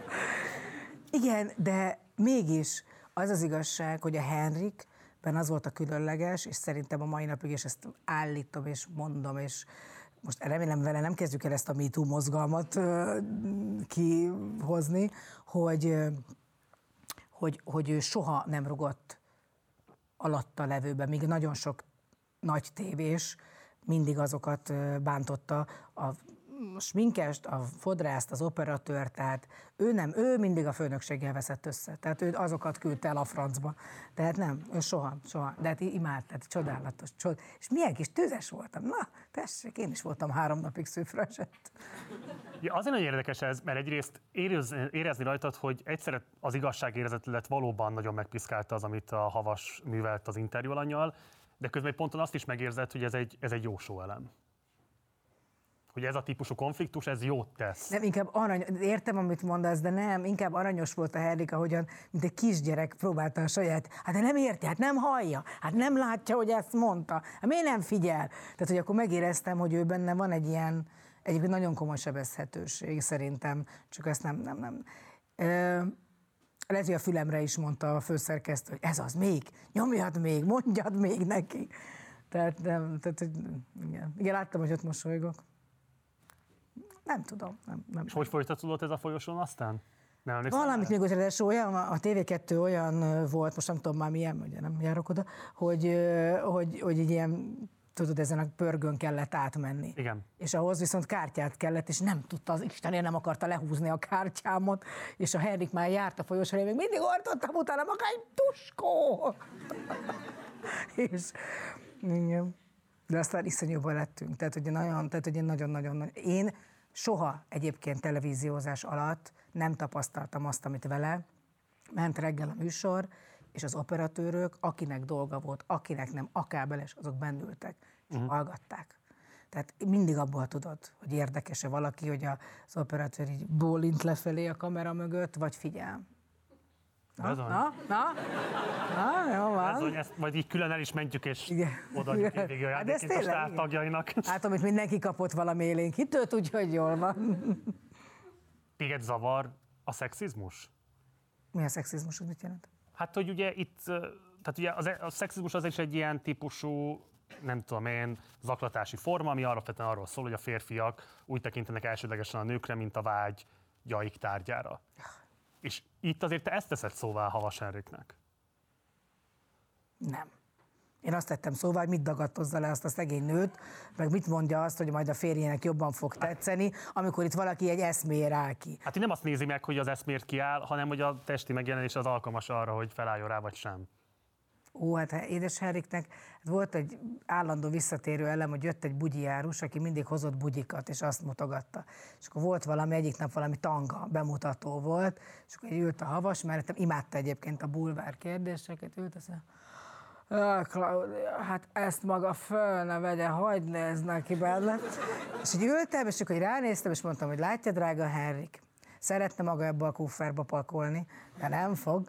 És, és akkor ő nagyon boldog. Tehát, hogy ez a szexizmus, mondom, teljesen, tehát amiért én fölháborodtam, hogy van valaki, aki oda jön ártatlanul kvázi, tehát mondani akar valamit, és ő egy olyan helyzetbe hozza, ami nem az zavart, hogy őt most a fogyásról, vagy persze az is, mert lehet, hogy magamra vettem egy kicsit, ugye mondtam is, de hogy inkább valójában az, hogy, hogy, hogy, hogy nem lehet, mert engem te hozhatsz bármilyen helyzetben, mert én erre vagyok kiképezve, de, De nem, a műsorvezetőnek azért van felelőssége a vendégméltóságának a megvédése Így. szempontjából. Így, így, így. Tehát a Henrik egy poén kedvéért ezt nem lehet. Ezt nem lehet. Szóval ezt nem, nem, nem csinálhatod meg. Bár, igen, megcsinálhatod, csak szerintem nem méltó. ártatlanabb volt az a korszak, hogy egy ilyen adásba mehetett, és aztán igazából nem lett következmény, mert nem rúgták ki Havas Henriket. Vagy a mostani kor túlérzékeny abban a szempontból, hogy feltehetően egy ilyen adás után Havas Henrik nyilván hatalmas név volt akkoriban is, még most is jelentős név, de hát nyilván komoly ellenállásba kéne ütközni, és valamilyen típusú büntetése biztos, hogy lenne. Én úgy tudom, hogy a Havas Henrike miatt semmilyen büntetést nem kapott a csatornától. Ezt, ezt, ezt ebben nem emlékszem erre, mert hát annyi minden történt. Szerintem igen, igen, kicsit, kicsit túlérzékenyek lettünk. Biztos ennek is oka van. Ezért az összes dolog, amit erről előbb is beszéltünk, tehát mindennek valamilyen kifutása oka van. Mm, De nagyon nehéz. Én, én, én szerettem azt a korszakot. Tehát valószínűleg a kezdeti sége az egész kereskedelmi tévézésnek, hogy akkor mindent lehetett, annyi mindent lehetett kipróbálni. Ezért lehettem én is sokszor borzalmas pokoli műsorvezető is, meg nem értettem most, hogy így néztem magamat, hogy állhat így, meg hogy mondhatja, meg hogy nézhet Mi a baj ott az állásod? nem, az, hogy, hogy, hogy, hogy ez, ez azért egy tanulási folyamat. Tehát én ezen tanultam rengeteget. Egyébként szerintem a legnagyobb, legnagyobb tanulásom ez volt, ez a mokka. Mert itt hagytak nagyon-nagyon szabadon is szárnyalni, de sok mindent megtanultam. Én nagyon sokat néztem a Henriket, hogyan csinál egy interjút. Egyébként fantasztikus, mert tényleg ő mondta, amit 6 percben nem tud elmondani egy politikus, azt teljesen érdektelen, mert 26 percben se fogja tudni elmondani. Úgyhogy, és hát nagyon komoly lexikális tudással rendelkezett. Úgyhogy én, én, én, én nagyon szerettem ezt. Én nagyon szeretném, ha ma is lenne ilyen beszélgetés. És egyébként tényleg azért hiánypótló ez itt, mert, mert valódi gondolatokat nagyon keveset hallasz ma, amikor tényleg elmerik mondani az emberek, amit gondolnak. Volt valaki, és olyan műsorvezető társad, akivel hasonlóan jó dinamikáid voltak, mint Havas Henrikkel? ilyen jellegű műsorban nem. Tehát mondjuk Attila ugye egy örök darab marad az életemben, akivel mindig egy nagyon komoly közös elegyet alkottunk, de a reggeli műsorokban soha többé. Tehát amikor a Henrik elment, akkor hát a Csiszár Jenővel nem nagyon lehetett kontaktust teremteni Miért? mert ő meretten bámulta a súgógépet. Azért, mert nem lehetett. Hát nem lehetett, mert ő, nem is nagyon vezettem vele műsort szerintem, inkább a Jakub Cseh Gabi vezetett vele. A, volt az M. Kis Csaba, meg volt a Kárász Robi. A Robival nagyon sokat vezettem, de az a kémia, ami köztem meg a Henrik között volt, soha többé nem jött létre. És az meghatározható, hogy az mitől volt különleges? Szerintem szeretett, meg mai napig szeret engem a hely. Valamiért szeret, és én is. Tehát, hogy van, van valami érzelmi rész ebben. Tehát, hogy a gyűlölet, a szeretet, az egész olyan, olyan én nagyon felnéztem rá, hogy nagyon lenézett engem, nem, tehát hogy ez, ez tényleg egy, de közben meg szeretett, tehát közben ére, érezhető volt már egyszer csak, hogy, hogy, hogy, hogy az egészben van humor. Tehát voltak olyan napok, amikor tényleg mondjuk éppen rossz, rossz konkrétan rosszul volt, tehát volt valami cukor problémája, és, és mondta, hogy kérem, hogy csinálja meg ezt most helyettem, és, és, és én segítettem neki. Tehát egy kicsit olyan emberi kapcsolat alakult ki kettőnk között, egy tök normális, tök jó. De ő is tett? Mert hogy amit te elmondasz az alapján azért az érződik, hogy itt neked a nagyon nagy fokú önreflexiód, iróniád, megengedésed kellett ahhoz, hogy ez egy működőképes kapcsolat legyen. Ez alapvetően minden kapcsolatomra igaz. Ö, hogy egy ilyen empát... szívabb személyiség Igen, vagy? igen. Én egy, én, én nagyon-nagyon empatikus valaki vagyok, de most... Empatikus vagy alárendelő? Alárendelt. Szerintem ez... Szóval én, én, én mondom, én bele tudok helyezkedni a másiknak a, a flójába, és úgy, úgy tudok vele együtt menni. Engem nagyon érdekel. Ez világos, csak, hogy van ez a flow, nem mindegy, hogy az itt, tehát te annak a hullámjain mész, vagy pedig ott alatta nem, semmiképpen próbálsz nem. levegőt kapni. Nem, nem, nem, szerintem van olyan, volt olyan kapcsolatom minden bizonyal, de például a Herrikkel való az egyáltalán nem. Tehát ott, ott tökre éreztem, hogy mikor van nekem a pillanatom, és mikor kell hagyni őt. Mm. És ez alap... Ő neki ilyen típusú érzékenység és figyelme volt irántad? Á, biztos, hogy nem. Nem, nem, nem volt neki erre ideje. Nem, nem, hát de, de nem is vártuk el tőle, nem. Nem, őt, ő, ő ment a saját ritmusába, ment, ment, ment. Egyébként ez se igaz, mert persze néha beszurkált, tehát ha látszott, hogy azért figyel, meg nem tudom, tehát hogy úgy ott van, ott van, tehát tudja, hogy ki vagyok, de hogy, hogy alapvetően, de ez nem is volt fontos. Nem volt. Szerintem, amikor valakivel találkozol, aki olyan formá, nagyobb formátumú valaki, vagy valami, én ezt imádom. Tehát csak az ostoba színész szeret nála tehetségtelenebb emberrel játszani, mert azt hiszi, hogy akkor majd kiragyog mellőle. Nem. Mindig én olyan embereket szerettem magam köré gyűjteni, meg olyan emberekkel szeretek dolgozni, akire valahogy felnézek, és azt érzem, hogy hú, hát ez, ettől tanulhatok, ez nagyon jó, hogy velem van, mert ez az én fényemet is emeli. Ugye ez egy három éves periódus volt igazából, amit együtt vezetetek műsort. Én emlékszem is erre egyébként fiatal felnőttként, hogy néztem ezt a műsort, és szerintem egy rendszerváltás utáni magyar reggeli televíziózásnak valószínűleg az egyik legemblematikusabb párosa volt a tiétek. De közben nagyon érdekes az, ahogyan most is beszélsz erről, és hogy általában beszélsz a férfi műsorvezető társaidról, mert mint hogyha neked sokkal több felelősséged lenne abban, hogy a páros működőképes legyen, hogy hogyan kapcsolódsz ahhoz a férfihez, hogyan hozott helyzetbe, milyen módon engeded meg neki, hogy igazából jó legyen, mert attól leszel te is jó. Tehát nem partnerségben írod le, hanem egy untermanként, akinek felelőssége és feladata, hogy helyzetbe hozza a partnerét. Igen. Ezt tudom röviden mondani. Igen. Igen, én a piros lámpa vagyok, aki mindig tudja, hogy lejárt az idő, hogy mennünk kell tovább, aki nagyon észnél van mindig, én egy nagyon észnél levő valaki vagyok. Tehát a legtöbb partnerem az egy ilyen álomvilágban élt, és, és úgy kellett néha úgy, nem is az, hogy rángatni, de, de viszont iszonyatos sokat kaptam. Tehát, hogy én nagyon szeretem a partnerséget. Ezért nagyon sokáig el sem tudtam képzelni, hogy egyedül vezessek műsort. Mert egyszerűen jó, jól esik a labda. Tehát, hogy dobom, kapom, dobom, kapom. De mint hogyha nem kapnál, csak dobod. De. Ja, akkor elveszem én. Tehát ja, hát ezt mondom, visszaveszem, visszaveszem én azt a labdát. De szerintem nem, nem baj. Tehát, hogy ez én, én azért kiragyogtam a karból. Karból, karból, na. Karból, igen. Karból. Azt hittem, hogy valamilyen kémiai elemet mondtam a karból.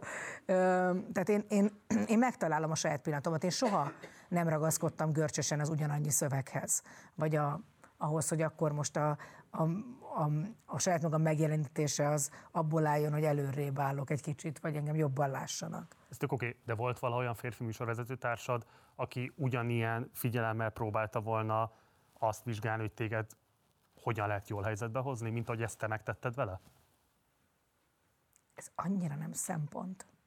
Ez tényleg, hát ez soha nem. Hát te így méred le szerinted valaminek a sikerességét, vagy valakinek, hogy attól, hogy most Én, hát én mindent Most nem a sikerességről beszéltem, mondom, ez egy sikeres párosatok volt, ez nem kérdés. De nem, nem, akkor nem értem, hogy mire szeretnék kiukadni. Arról beszélek, hogy te, Én tök jól szakmailag. Hát ha, mit kaphatnék én többet? Hát nem azt mondtam, amikor bejöttem, hogy a televíziózás királynője vagyok? Már elmúlt?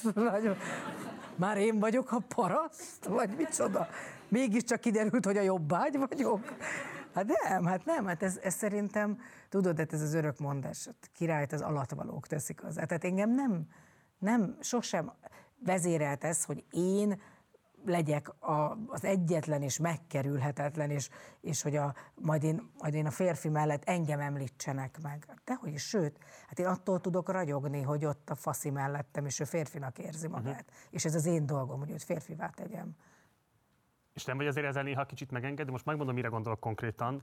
Amikor a Bocskor Gábor van egy ilyen történet, rácsapta szándékosan elviekben a vasajtót a kezedre a Danubius rádióban. hát És úgy mesélted, hogy utána ő még ezt úgy mesélte tovább másoknak, hogy még te jöttél bocsánatot kérni, egy sok éves ö, viszkivel karöltve.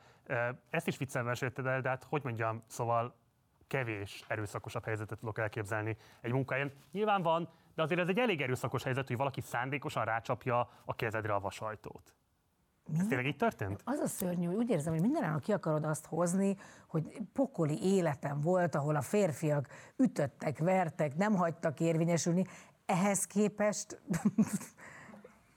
Tehát most akkor tényleg itt... Mert ehhez képest, Várjál, nem, Nem, most azon gondolkozom, hogy most eh, nem, azon gondolkozom, hogy vége a műsornak, és melyik a, az a nem tudom, keresztgerend, ami elbír, és akkor felkötöm magam, mert hogy Semmi esetre marha szar az élet. Dehogy is, sem. dehogy egyáltalán nem szabad ezt ilyen komolyan venni. De mit azt, hogy rácsapja De valaki? a- véletlen, mit tudom én már, is már csak ugye Jó, a most legendák véletlen volt, könyvében az van. más. Nem úgy volt véletlen, hanem azért, mit tudom, hogy veszekedtünk, és akkor mentem ki, és én hülye még fogtam az ajtót, és ott a Danubius a régi rádióban még egy nagy vasajtó volt, és így és áh, nem tudom, nem tört el, vagy mit tudom én. És Claudia, akkor nem véletlenül csapta rá. Hát látta, hogy ott a kezed. Hát de hát szerencsétlen, most látod, hol tart. Hát most nem mindegy, hogy rácsapta 30 éve. Hát... Próbáljuk ki Csabrá, aztán majd 30 év múlva megint Lehet, hogy ez a titka az érvényesülésnek a magyar médiában, úgyhogy majd kifele menet. Még lehet, hogy akkor ezzel fogunk valamit kezdeni. Jó, a női barátságaidról egy picit beszéljünk. Mégpedig azért is, mert te is úgy utaltál, hogy igazából neked női barátaid vannak kizárólag. És hát volt egy emblematikus női barátságod, ami megszakadt, ha jól tudom, 2018-ban. Ugye te ismerteted össze Várkonyi Andrát Bocskor Gáborral, aztán ők szakítottak, és elviekben utána megszakadt köztetek is a kapcsolat, de egy időben ti nagyon jó barátok voltatok, ezt talán lehet állítani, ugye? Hát igen, nagyon jó viszonyban voltunk, voltunk együtt. Utaztunk is együtt. Jobban voltam az Andival, igen. Most leszámítva azt, hogy neki jelenleg mi a híre, meg milyen pozíció van a magyar nyilvánosságban, mit jelent az, amikor egy ilyen jó barátság megszűnik az ember számára, ami ráadásul szakmailag is nyilvánvalóan meghatározó volt? Szerintem sok, én me- megmondom őszintén, hogy nekem nagyon nehéz embereket elengedni az életemből. Tehát abba, abba rossz vagyok, meg, meg kudarcnak élem meg, hogyha valaki, akit barátnak látok, vagy én úgy gondolom, hogy, hogy ö, bele teszek energiát, meg szeretem, meg ö, óvon védem, akkor az úgy, úgy elhal. De egyébként nem ő volt az első ilyen, aki nagyon szoros kapcsolatom volt, és aztán így eltűnt. Egyébként sokszor, ö, ö, most ez nem őrá vonatkozik, egyfajta számonkérés miatt tűntek el a barát, vagy tűnt, tűnt el, nagyon kevés barátságom tűnt el, egyébként erre nagyon büszke vagyok. Az, bocs, mit jelent az, hogy számunk? Hát az, hogy valaki állandóan azt hajtogatja, amikor felhívott telefon. Na, fel tudtad venni a telefont? Na, milyen bennem van, megvan még a számom, fel tudtál hívni? Tehát ugye ez egy idő után egy olyan pushingot érzel, hogy már, nem, már remegő kézzel sem mered benyomni a számot. Igen, ez nagyon fárasztó. Tehát ez nagyon, igen. Ez, ez, ez, ez, egy energiavámpírság. Erre egy, Ezt nagy- számot szoktad kérni, vagy, vagy szóvá teszed? Nem, mert annyira betoljatnak, tehát vannak ezek az ilyen erőteljes emberek, akik inkább csak elhal. De mondom, ebből nagyon kevés volt, tehát ezt összesen szerintem egy kezemben meg tudom számolni azokat az embereket, akiket barátomnak gondoltam, és aztán eltűntek, vagy ilyen, vagy olyanokból. Az Andi, azért sose volt olyan erős barátság ez, szóval nem volt egy ilyen nagyon mély.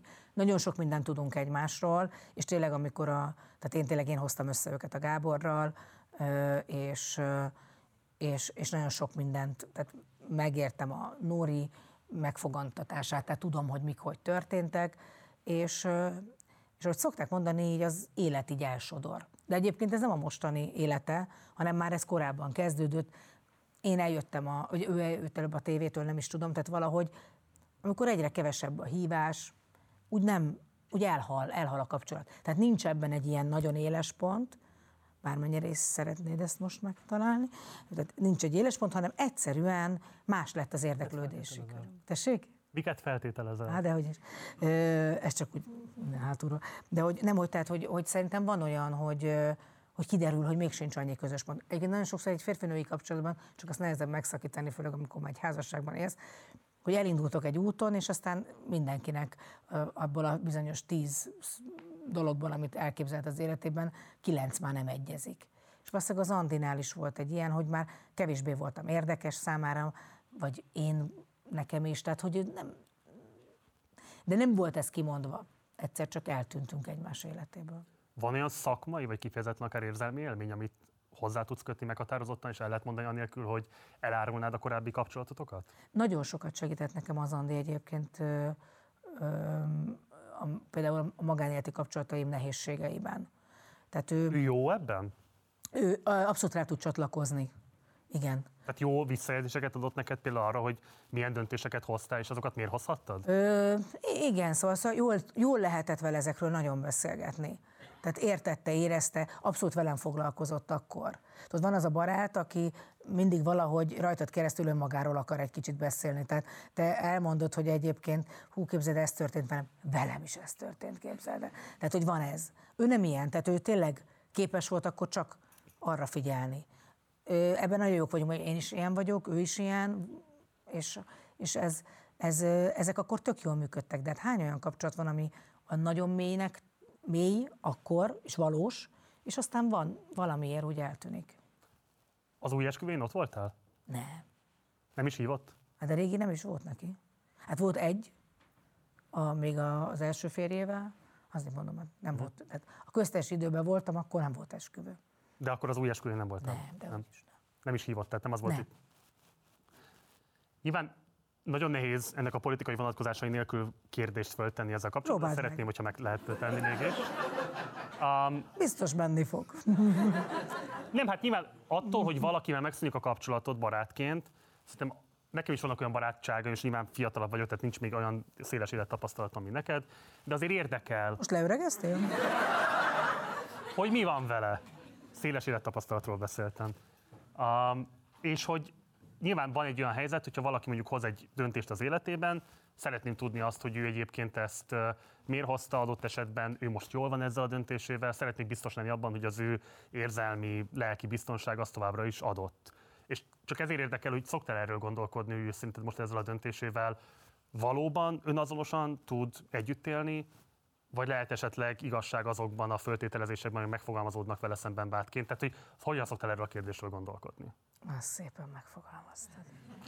Na, jó, ez jó, jó, jó megagyáztál annak, a, hogy majd mondok valamit. Az az igazság, hogy tehát iszonyatos hazugság lenne, hogyha az ember azt mondaná, hogy ez sose fordult meg a fejembe, hogy vajon ő mit érez, hogy érez, hogy ugye mit gondol erről az egészről. De pontosan azért, mert magam is gyűlölöm azt, amikor feltételezésekből bocsátkoznak velem kapcsolatban, és úgy vélik tudni, hogy ez biztos így, ezért döntöttem így, meg ezt csinálom, meg nagyon komolyan megítélnek engem is, vagy megítéltek a múltban akár nagyon sokszor. Ezért, ezért én akarom, akarom inkább azt a részét hinni, hogy mindig mindennek van alapja, hogy mi az, és hogy ő neki mik a gondolatai, azt, azt sajnos ő tudhatja. Az biztos, az nagyon nehéz lehet, hogy,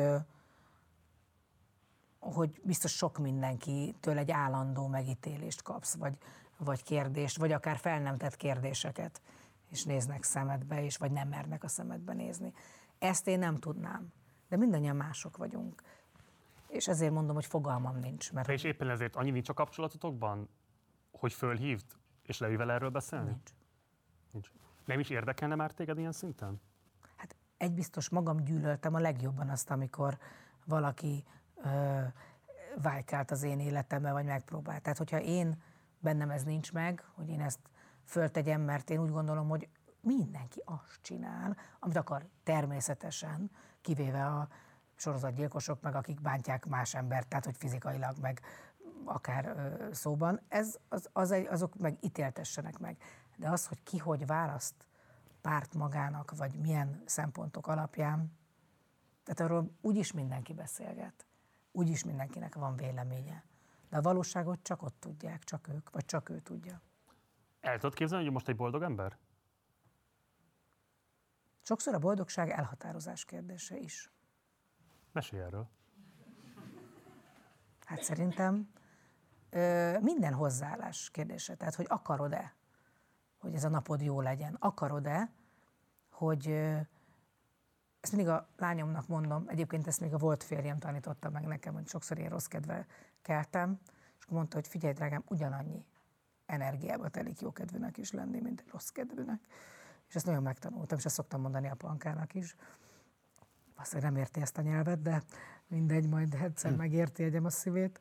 De hogy, hogy szerintem például az Andi is, ez egy elhatározás kérdése is lehet, hogy te ezt az életet akarod választani, és ebben megtaláld azt a boldogságot, ami neked jó. Mi mások vagyunk, tehát nem, nem mindenkinek menne ez. Oké. Okay. Nagyon ritkán nyilvánulsz meg politikáról, sőt lehet, hogy igazából soha, és legalábbis egyetlen egy ilyen helyzetet találtunk, vagy jelet arra vonatkozóan, hogy politikai véleményt nyilvánítottál. Kamala Harris képét osztottad meg, ugye oh. ő az Egyesült Államok alelnöke. A választások után közvetlenül, ugye Joe Biden alelnöke jelenleg, miért érezted fontosnak, hogy megoszd ezt a képet róla? Közvetlenül az elnökválasztás után. Most valami nagy lózungot kéne mondanom, érzem. Vagy csak egyszerűen azt, hogy sokan megosztották. Nem, hogy hát szerintem nagyon fontos, egy fontos lépés, ez egyértelműen egy fontos üzenet, inkább akkor úgy mondom, vagy annak vélem betudni, hogy egy színesbőrű nő lett az alelnök, és megint csak ugyanaz visszakanyarodva az összes mai gondolatunkra, hogy ebben megint nem azt kell csak keresni, amit most mondtam, hogy egy színesbőrű nő.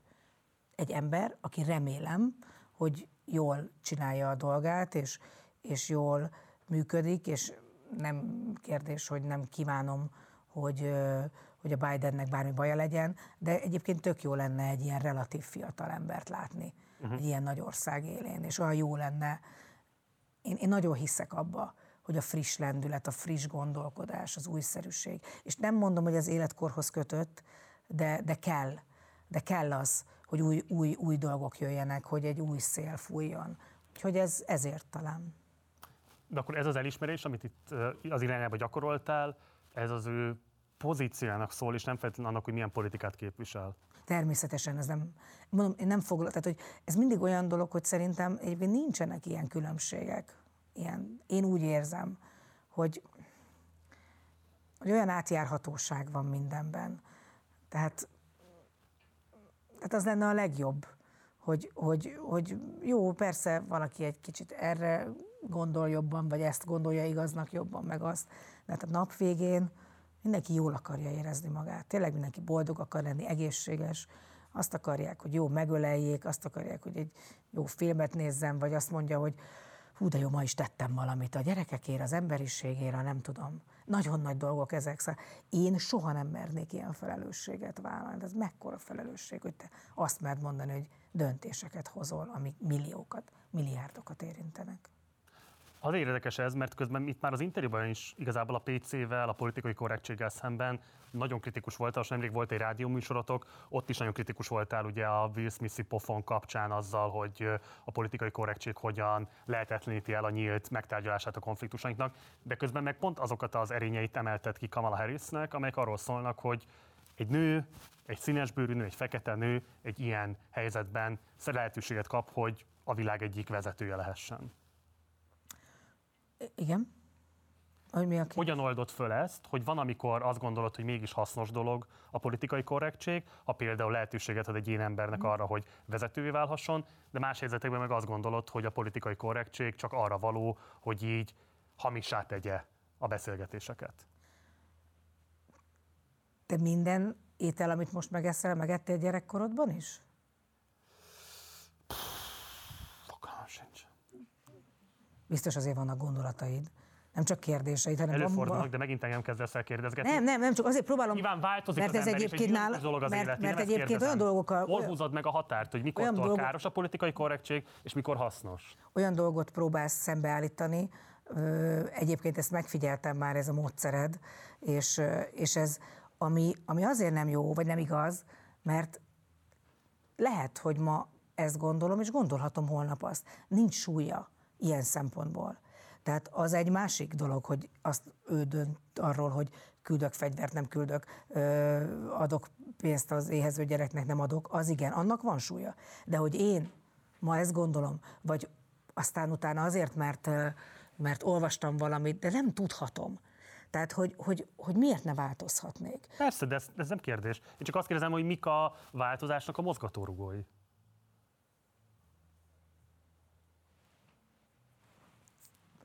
Egyszerűen okosodom, böl, kicsit fáj is, hogy sok minden tudást szerez az ember, és már nem annyira mm, könnyed, és már nem annyira, ö, hogy mondjam, tehermentes az élet. És szerintem egyszerűen valószínűleg érdeklődőbb vagyok, lehet, hogy utána olvasok, lehet, hogy, de mindig azt érzem, hogy soha nem tudhatok erről eleget, tehát én sose nevezem így meg, ahogy te szeretnéd ezt a politikai korrektség. Én nem is, nem is szeretem használni, mert nem tudom igazán. Nyilván találkozol ezekkel a szempontokkal, nyilván látod azt, hogy mondjuk a munkádat hogyan ítélik meg ilyen vonatkozásokban.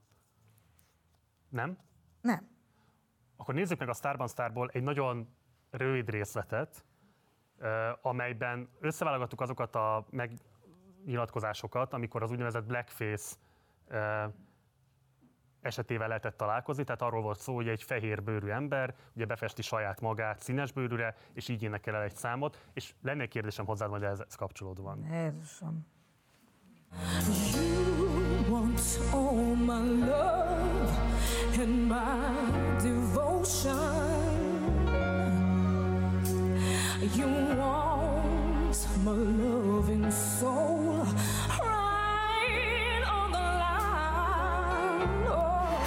Get close, you whisper Coco. I hold you in my arms and you say Jumbo.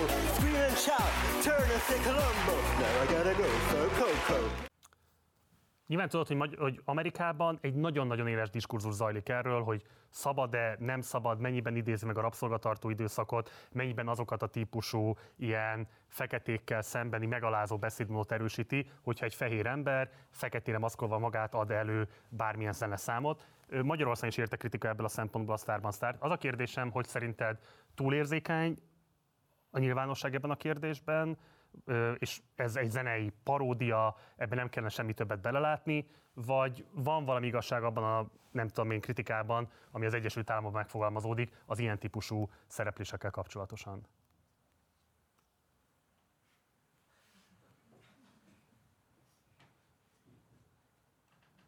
Kérlek szépen, ezt valaki másnak tett fel, aki ért ehhez a dologhoz. Hát én ehhez nem értek. Én egy entertainer vagyok, aki leül egy műsorba, és azt látja, amit hoznak neki, és arról tud beszélni. Nem is szoktam, erről őszinte leszek. Lehet, hogy felületes vagyok, és olyan vagyok eh, szintén, hogy Woody ellent idézzem a Annie Hallból, hogy mi igazából nagyon felületesek vagyunk, és egy nagy vibráló tojást használunk otthon. Tehát, hogy alapvetően nem tudok neked erről mit mondani. Tehát nincs, nincs, de nem, nem az én asztalom. De nyilván szembesültél azokkal a tévékritikákkal, amik megfogalmazottak például ezzel, ebben a vonatkozásban. De úgy, amikor én ebben a műsorban voltam, akkor erről nem volt még szó. Oké. Okay. Én nem, én nem találkoztam ezzel.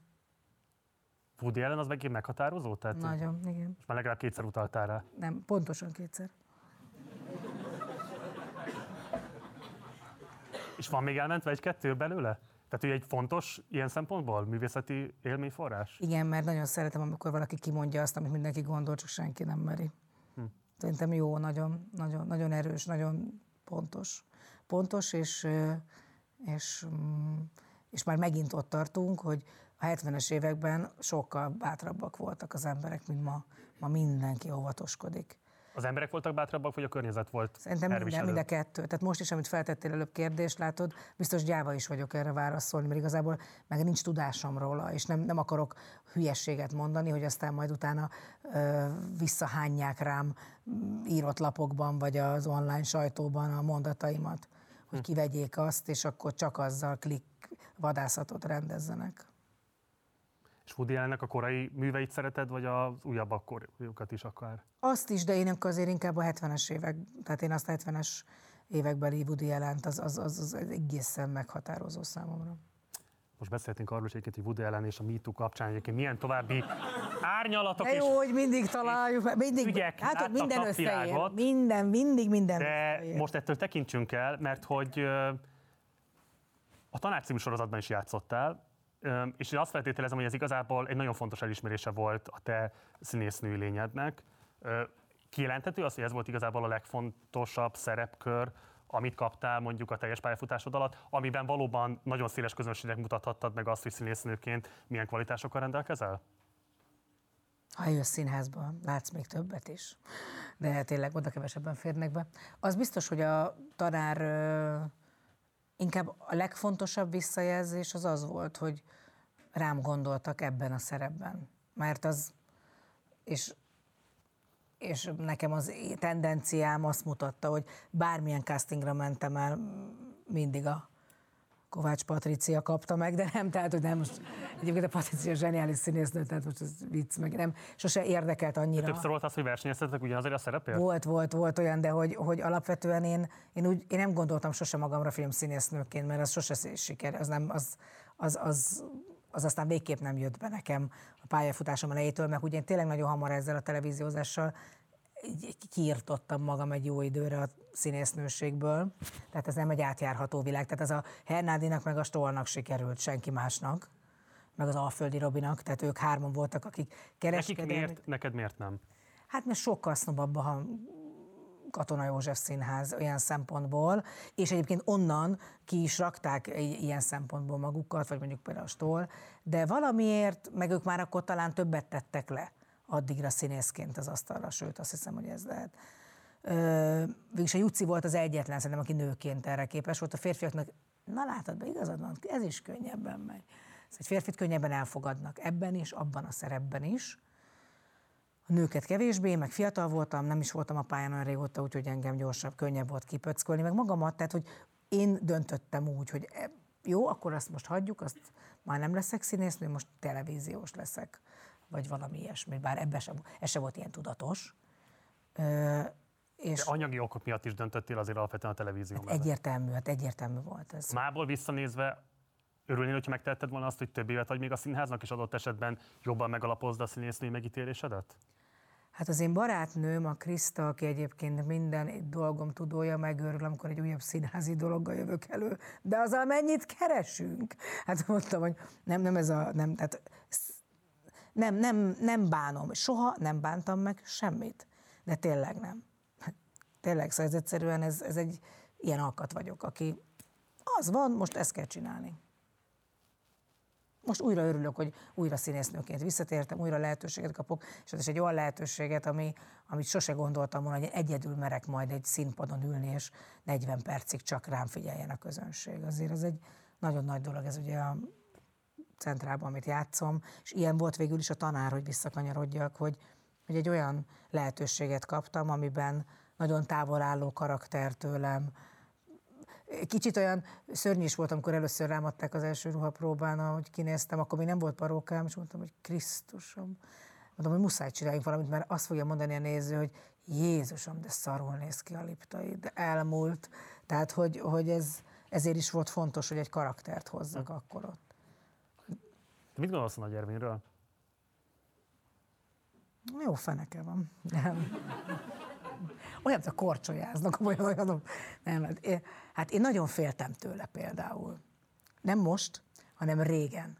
Nagyon nagy képűnek tartottam, és olyan színésznek, ugye nekem ő volt a Katona József Színház doenje, a magyar színészet, aki a, fér, a nagy férfi színész, és, és, a, és a nagyon nagy képűnek is tűnt. Szerintem az is egyébként, valószínűleg, és aztán uh, itt a tanárban, meg egyébként már előtte is egy, tehát, tehát egy óriási nagy gyerek, akivel rohadt sokat lehet röhögni, meg, uh, meg egy nagyon tehetséges fiúnak gondolom. Milyen volt vele együtt dolgozni? Jó, nagyon jó, rengeteg, tényleg. Tehát az egész tanárforgatás az egy nagy-nagy mosoly. Szóval nagyon, nagyon sokat nevettünk meg. Meg egy ilyen nagyon jó, amikor éppen nem volt felvétel, ülünk, dumálunk mindenféléről egyébként, nagyon sok mindenről beszélgetünk. Mit gondolsz arra, hogy nagyjából pont egyébként ezzel a szerepével párhuzamosan ő azért a közéletben egyre markánsabb véleményformálóként jelenik meg, ugye egészen odáig, hogy most már tüntetésen is szónokolt. Te hogyan ítéled meg ezt az ő tevékenységét? Szoktál például erről beszélgetni? Hát ezt mondjuk úgy, hogy ő beszél. Egyébként erről sűrűn nem beszélgettünk, tehát hogy nem, és nem azért, mert én ezt kerülöm ezt a témát, hanem mert nagyon sok minden másról. Alapvetően annyira tudom, hogy itt, itt, itt nagyon sokat kéne erről beszélni, de engem nem érdekel annyira ez. Tehát egy emberből sokkal jobban érdekel, hogy milyen kedve van, milyen érzelmei vannak, mire vágyik, éppen jól van-e az életében, boldog, egészséges, ezek jobban érdekelnek. Tehát nem szeretem azt, ami történik ma, meg kell, hogy mondjam, hogy, hogy valamikor családokon belül ugye olyan ellentétek jönnek létre a politika miatt, ami ellehetetlenít. Tehát néha inkább nem akarom tudni, hogy ki mit gondol. De azt nem érzed, hogy mondjuk az Ervin amiatt, hogy ezeket így kimondja, és nem örlődik belül ezen, hogy ettől szabadabb, adott esetben kiegyensúlyozottabb, adott esetben, tehát semmi ilyesmit. Nem.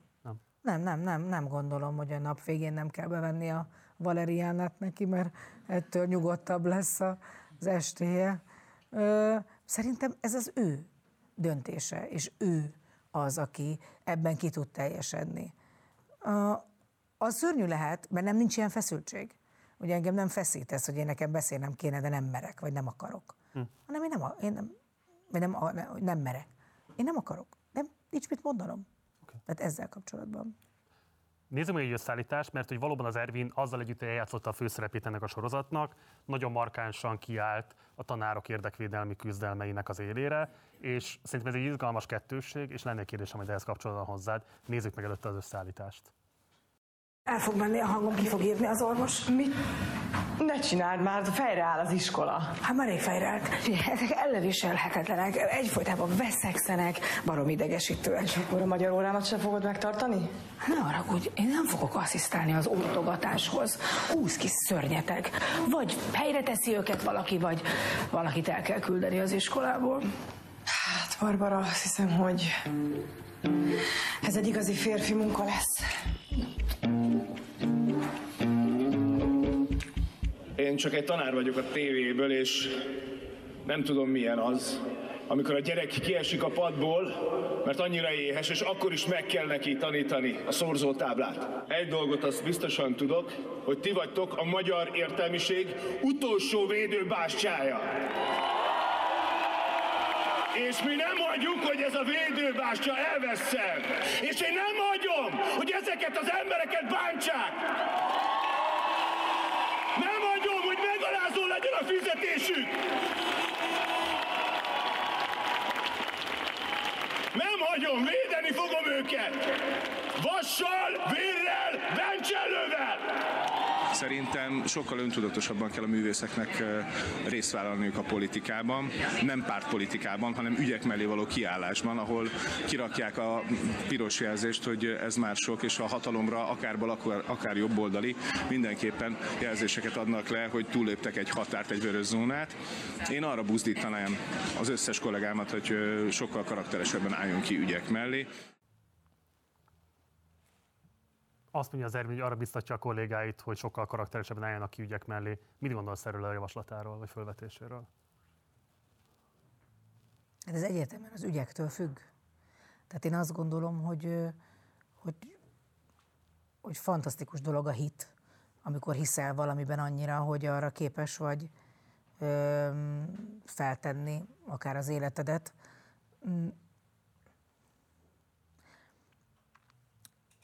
Én úgy vélem, hogy mindannyian másra vagyunk képesek. Tehát vannak, akinek van olyan képessége, akár mint az Ervinnek, hogy ő, a, ő, ő képes odaállni és képes buzdítani.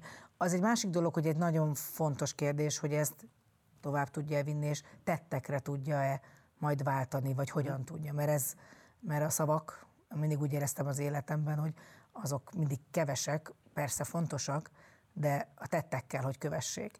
Én egy helyen tudom ezt a dolgot megvalósítani, és ebben vagyok a legjobb, és ez pedig ez a mikro környezetem, és szerintem onnan indul el minden, hogy elképesztően jól megpróbálom az egész érzelmi családi életemet jó gondolatokkal, jó útra valóval adni a gyerekeimnek, hogy az élet szeretetével, a saját maguknak a gondolatai mellett való kiállásával, és akkor így tovább menve, tisztelve a tanárt, a pedagógust, mindent. Tehát erre tanítom őket, és én ezt magam gyakorlom is. Én nem vagyok szónok, én nem tudok odaállni, de ez nem azt jelenti, hogy én nem gondolom erről akár ugyanezt. Ezért mondom, hogy ez a csodálatos, és erre mindig ezt a példát is tudnám hozni. Volt egy darabig, működött egy művészszínház. Nem Igen. tudom, emlékszel erre? Persze. Egyszerűen hanvába holt néhány év alatt, és nagyon egyszerű dolog miatt. Mindenki Kossuth Díjas volt benne, és mindenki a hatodik vázatakarásban. És nem azt mondom, hogy aki hatodik vázatakarásban, annak nem kell nagyon tehetségesnek lenni. De iszonyú fontos szerintem, mint ahogy egy családban, a társadalomban a hierarchia. Tehát, hogy kellenek emberek, akik megmondják, hogy mit tegyünk, vagy kell, aki erőteljesebben tudja, akár itt bent, és kell, én. Én abszolút egy csinovnyik vagyok. Tehát én szeretem, ha mondják, hogy mit tegyek, van saját gondolatom, uh-huh. és van saját magam felé támasztott elvárásom, de nincs olyan tudásom, és nincs olyan képességem, amivel én vezető vagyok. És van olyan ügy, amiben szívesen megszerezed azokat a tudásokat, hogy nem feltétlenül így, hogy az Ervin, de képviselő legyél annak a nyilvánosságban? Egyértelműen a gyerekek. Tehát ez a, a gyerekeknek, tehát amit elmondtál még a beszélgetés elején, az annyira szíven ütő, és nem mintha nem tudnám, csak ugye az ember néha nem is szeret szembesülni helyzetekkel, és egy kicsit olyan gyáva szarok vagyunk, és, és, és könnyebb a saját életünkkel foglalkozni. Iszonyú nagy képesség, hogyha valaki túl tud saját magán mutatni, és nem csak a saját kis valóságában van, hanem képes arra, hogy igenis megfogja, odavigye, megtegye, a szájába adja azt a falat kenyeret. Én mégis olyan vagyok, hogy mondd meg nekem, hogy csináljam, Hm. és megcsinálom. Tehát nálam jobban senki nem fogja megcsinálni, de én nem tudom kitalálni. De hogyha mondjuk va- valamilyen alapítvány vagy egyesület, tök egy civil szervezet, ami a gyermekéhezés felszámolásáért küzd, és nincs ebbe kötve pártokhoz. Tehát nem egy egyik vagy másik, vagy bármelyik oldalnak a kezdeményezetje, vagy kedvezményezetje lenne, megkeresne téged ezzel, vállalnál velük bármilyen fajta együttműködést? Én mindig olyan dolgot tudok vállalni, amiben látom a működést. Tehát látom, hogy hogyan működik. Uh-huh. Ilyen például nekem nagyon komoly kapcsolatunk van a Heimpál kórházzal. Tehát én nagyon, engem nagyon érdekel az orvoslás. Imádom azt a részét, hogy hogyan tudnak gyógyítani embereket. Ö, és ezért a gyerekek, tehát ha egy beteg egy gyerek, annál szörnyebb nincs, de van, ha éhezik. Ö, de hogy tehát ezért nekem az nagyon egyértelmű, hogy amellé teljes melszélességgel odaállok. Vagy, vagy ilyen számomra például a Hospice Alapítvány, ahol azt gondolom, hogy a másik nagyon fontos dolog az életünkben a méltóság. És az, hogy, hogy, hogy olyan röv, röpke ez az emberi élet, és hogy amikor a végéhez közeledik, és, és az ember nem, a, nem akarom, hogy a szeretteim úgy tűnjenek el, hogy az ember a legvégén, mintha sose lett volna. Tehát nekem azért nagyon sok tragédia van a családomban, vagy volt az életemben elég fiatalon, és, és tényleg úgy gondolom, hogy, hogy csak az hal meg, akit elfelejtenek. Ezért ez is egy fontos dolog az életemben, hogy az, azt, azt, azt átöleljem, vagy felkaroljam. Januárban volt két év, hogy meghalt Gesztesi. Um, milyen emlékeid vannak róla? Tehát, hogyha elsőként mondom ezt a nevet neked, akkor mi az, ami eszedbe jut?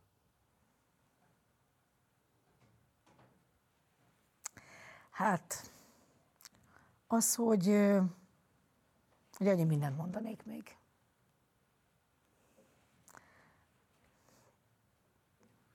De legfőképpen a panka jut eszembe mindig. Tehát az, hogy ő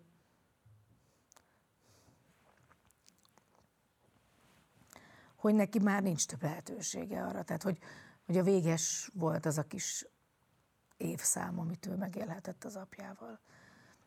És látva az ő fájdalmát, meg, meg azt, hogy, hogy mennyire komoly űrt hagy, az, az, az nagyon rossz. De egyértelműen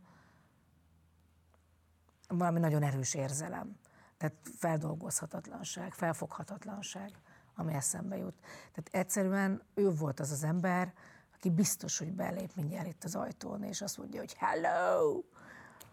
És, és, és ez, ezt nem értik meg nagyon egyébként a környezetemben, vagy hát megértik, mert iszonyú szeretettel, tehát a férjem is elképesztő elfogadással, és egyébként hála Isten ő is nagyon jól ismerte, sokat volt nálunk, meg sokszor jött, és, és érti abszolút, de hát ezt csak én érzem.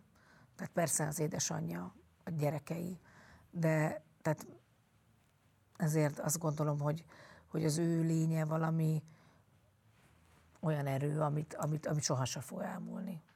És azzal együtt, hogy már nem voltatok együtt, amikor meghalt, azzal együtt ilyen erős érzelmeket vált ki belőled a mai napig?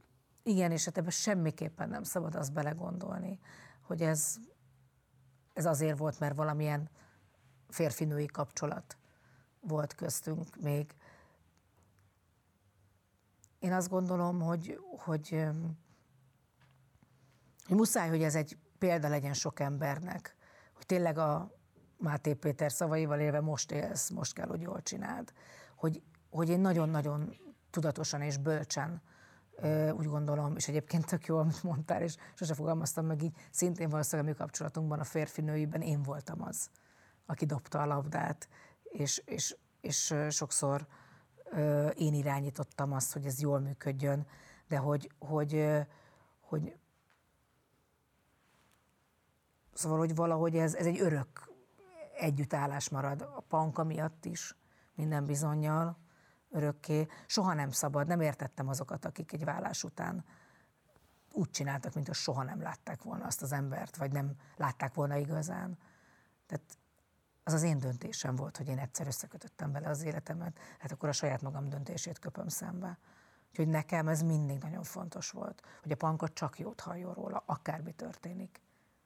És ő is mindig azt gondolom, hogy csak jót mondott, mert, mert a, szüleinknek a tettei nagyon kihatnak ránk, úgyhogy meg az egész, azt akarom, hogy ő neki jó választásai legyenek majd a férfiakban. Készítettünk egy rövid összeállítást, egy picit megidézzük a ti egykori szerelmeteket. Ezt nézzük most meg, hogyha lehet. Gonoszak vagytok. És utána De nem biztos, hogy akarom, valamit. hogy lássam. Most ez komolyan, nem tudom. Hát. Én azért remélem, hogy a pankának örökké jó kapcsolata lesz a, fér, a férjemmel, az apjával, mert ő imádja a gyerekét, a panka imádja őt, én is imádom a gyerekemet, és, és ezért értsék meg az emberek, hogy attól, hogy mi boldogan együtt vagyunk valahol ketten a férjemmel, és mi szerethetjük attól egymást, tehát nem kell gyűlölni egymást attól embereknek, hogy, hogy, hogy elválnak. Ez működhet. Csak hogyha ilyen sok dolgot kapsz pluszban, ami persze ezzel a ismertséggel együtt jár, akkor, akkor mi magunk is néha összeugrunk ezeken, de nem akarom, hogy ez behatározza meg az életemet. Az a furcsa, hogy, hogy a gyerekeket mondod, és imádom a gyerekeket, és a pankát is imádom. De fura érzés, hogy amikor velem van, mert hát természetesen velem van azért sokat, akkor is hiányzik valami. Tehát hiányzik mellőle a Klau.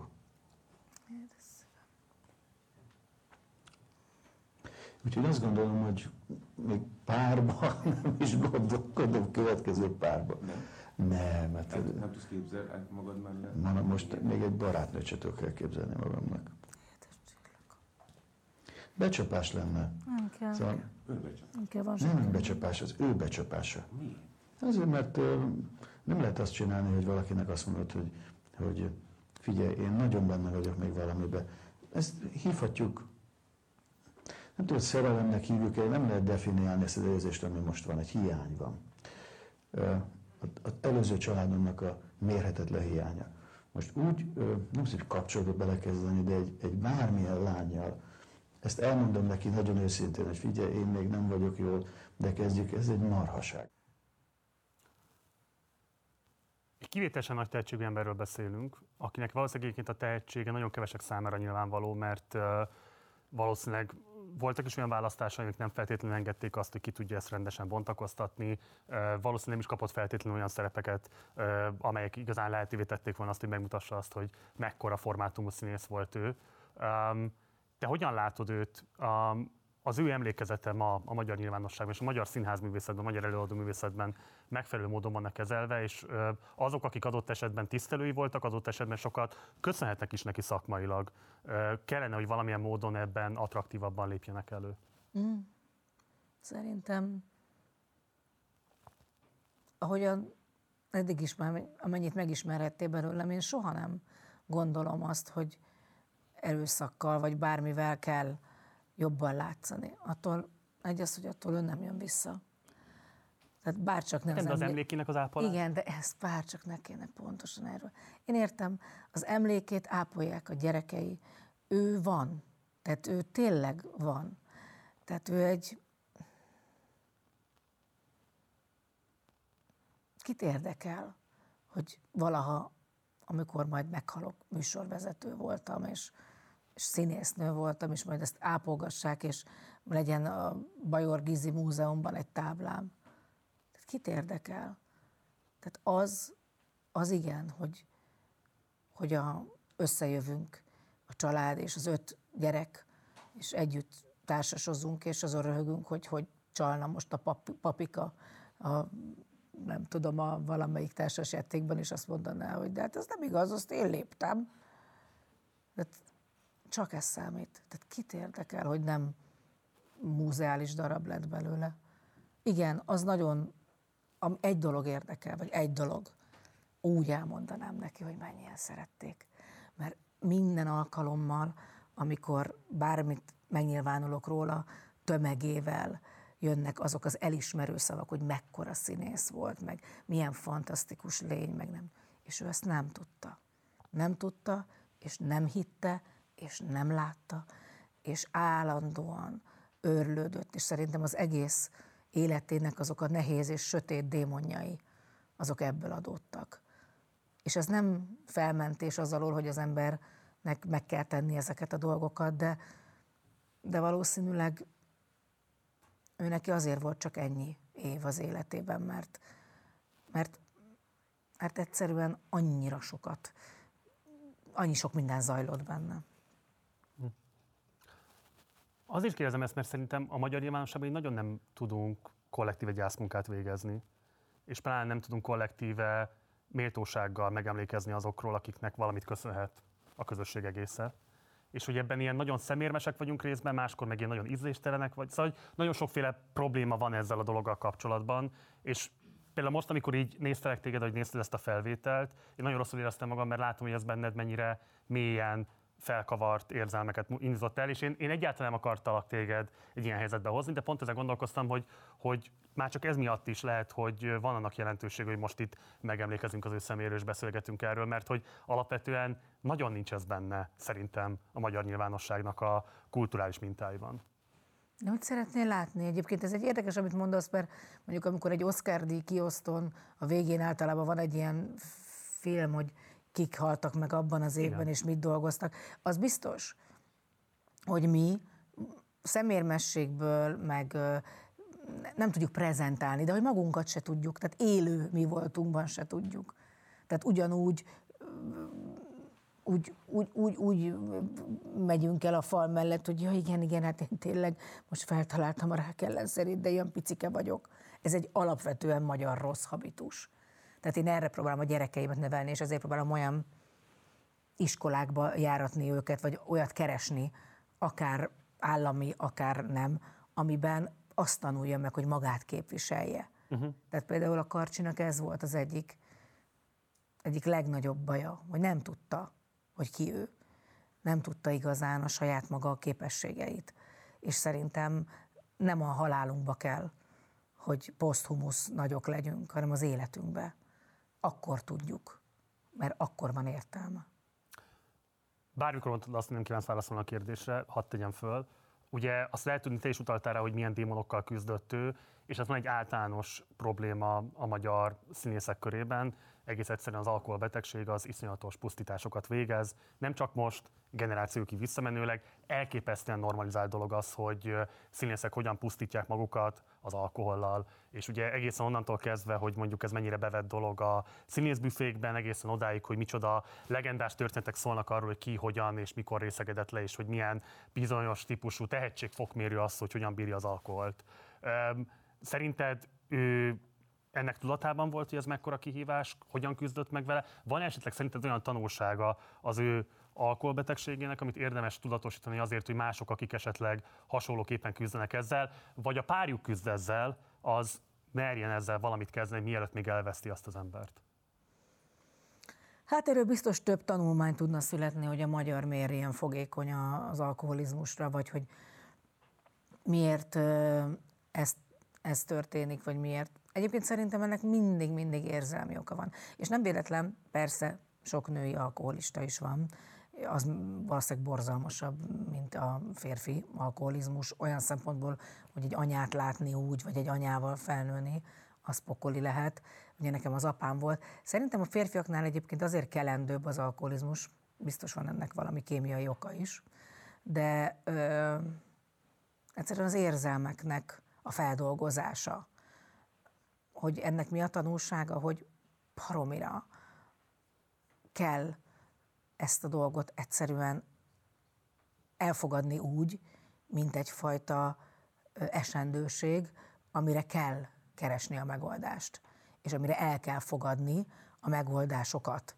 Ott kezdődik az egész, hogy már ha tudod, hogy az vagy, már ha tudod, hogy problémáid vannak akármivel, az már ugye az első lépés. De legtöbbször ezek az emberek egyáltalán nem hajlandóak, vagy nem látják ugyanúgy, ahogy én például a, a, az én szenvedélybetegségem, mondjuk az evés. Tehát az, szóval, hogy tudom, hogy problémám van ezzel, de nem tudom a kiutat, nem tudom a megoldást. És nagyon fárasztó is a megoldás. És nagyon komoly önuralmat kíván.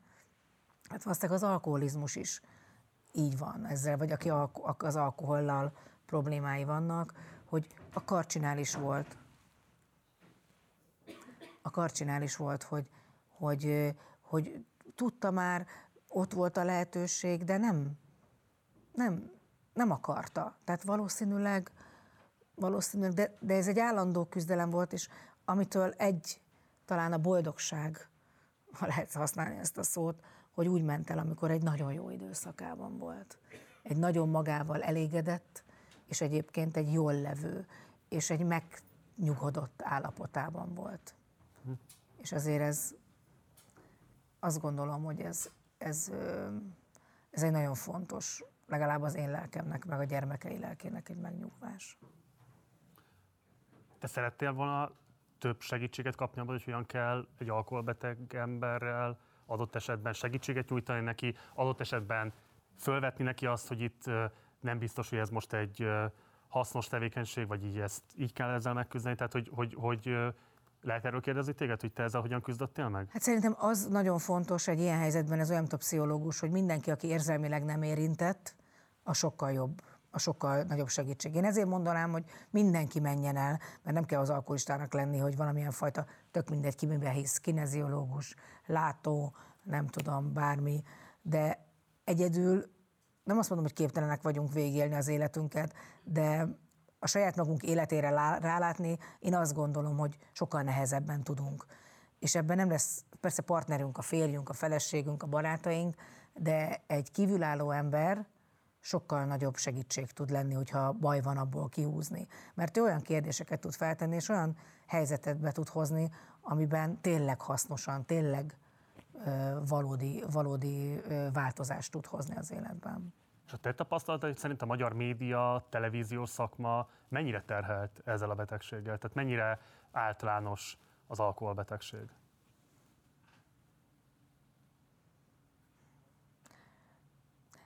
A lét elviselhetetlen könnyűsége, nem tudom, tehát Nem tapasztalod, azt mondod. De, de, de, persze hogy tapasztalom, de mondjuk ugye én teljesen abstinens vagyok. Igen? Igen. Tehát én ez a, én, én, a, én, az olcsó lány, én a libamáját se szeretem, meg a drága pesgőt se. Úgyhogy így, így én, én ezt én sosem tudtam feloldódni, vagy nem érdekelt, mert ugye a legtöbben ebbe oldódnak fel, és legtöbben pont, hogy a feszültségeiket, meg a szorongásaikat vezetik le az alkoholban. Úgy. De hát ez is a megint a mértékletesség, csak ezt tudom mondani, hogy a szélsőségek elhagyása. Biztos, hogy van mérték ebben, és biztos, hogy van, aki fogékonyabb erre, van, aki kevésbé. Úgy is konferáltlak fel, hogy a magyar televíziózás nagyasszony, ami nyilván amiatt is egy jelződ visszatérően, mert hogy mindkét kereskedelmi tévének, nagy kereskedelmi tévének voltál arca, van is, aminek bizonyos szempontból is arc vagy, de emellett egyébként egy ezektől teljesen független működésmódot is kialakítottál magadnak. Tehát van egy olyan típusú önálló pozíciót, hogy igazából nem függsz attól, hogy bármelyik kereskedelmi tévé ad-e lehetőséget, nem ad lehetőséget, hogyan számol veled. Benned mikor élődött meg az a felismerés, hogy neked szükséges kialakítanod egy ezektől teljesen független saját platformot azért, hogy így fent tud tartani azokat a sikereket, amelyek most a sajátjaid? Hát egyes, hogy hozta az élet, tehát hogy egy késői szülő is lettem, tehát hogy a Marci születésével akartam egy másik fajta életet biztosítani a Marcinak is, meg a családnak, amit a Pankánál nem tudtam, ahol tényleg 0-24-ben dolgoztam szinte. A másik pedig hazudnék, ha ez egy teljesen önálló gondolat lett volna. Tényleg ott a, a Kriszta barátnőm, aki utálom ezt a szót, hogy menedzserem, de hát tényleg az. A munkás szerencsétlenek, hát most mit mondjál? Igen, most érted, hát most mégsem mondhatom, hogy a vájár az életemben, mert ő a menedzser. Tehát, hogy, hogy, hogy ő, őnek van egy képessége, ami kevés embernek van. Tényleg ő látó, tehát ő, ő mindig látja a jövőt. És azt a fajta jövőt, amiben én nem is volt, nagyon sokszor azt mondtam, hogy dehogy is, Kriszta, ez biztos, hogy nem fog megvalósulni, vagy ez nem így lesz. És De a jövőt azt, hogy kifogyhat alólad a talaj? Igen. Vagyis azt, hogy nem csak alólam, hanem mindenki alól, aki ezt a szakmát választotta. És a televízióhoz két körömmel, meg 800 lábbal kapaszkodik. Meg egyáltalán az, ahhoz a Bianco szerződéshez, amire azt hisszük, hogy azért, mert én egyszer híres voltam, meg egyszer nagyon sok műsort vezettem, az mindig így lesz. Vagy ezek a műsorok mindig lesznek. Vagy hogy lesz tévé. Tehát pontosan az, amit akár te, vagy akár mások is felismertek. Az egy másik dolog, hogy én nem vagyok elég dinamikus talán, viszont, mint mondtam, nagyon jó munkaerő vagyok, és ha megmutatják az utat, akkor én azon viszont megyek, mint a gép. Úgyhogy nekem az kellett, hogy elkezdjem elhinni, hogy de igenis kellenek azok a lábak, amit nevezgetni kell, és igenis nem lesz ez örök életű, Ez mikor érlődött meg? Hát őszintén még most se hiszem el teljesen, de mindegy, ezt kell mondani.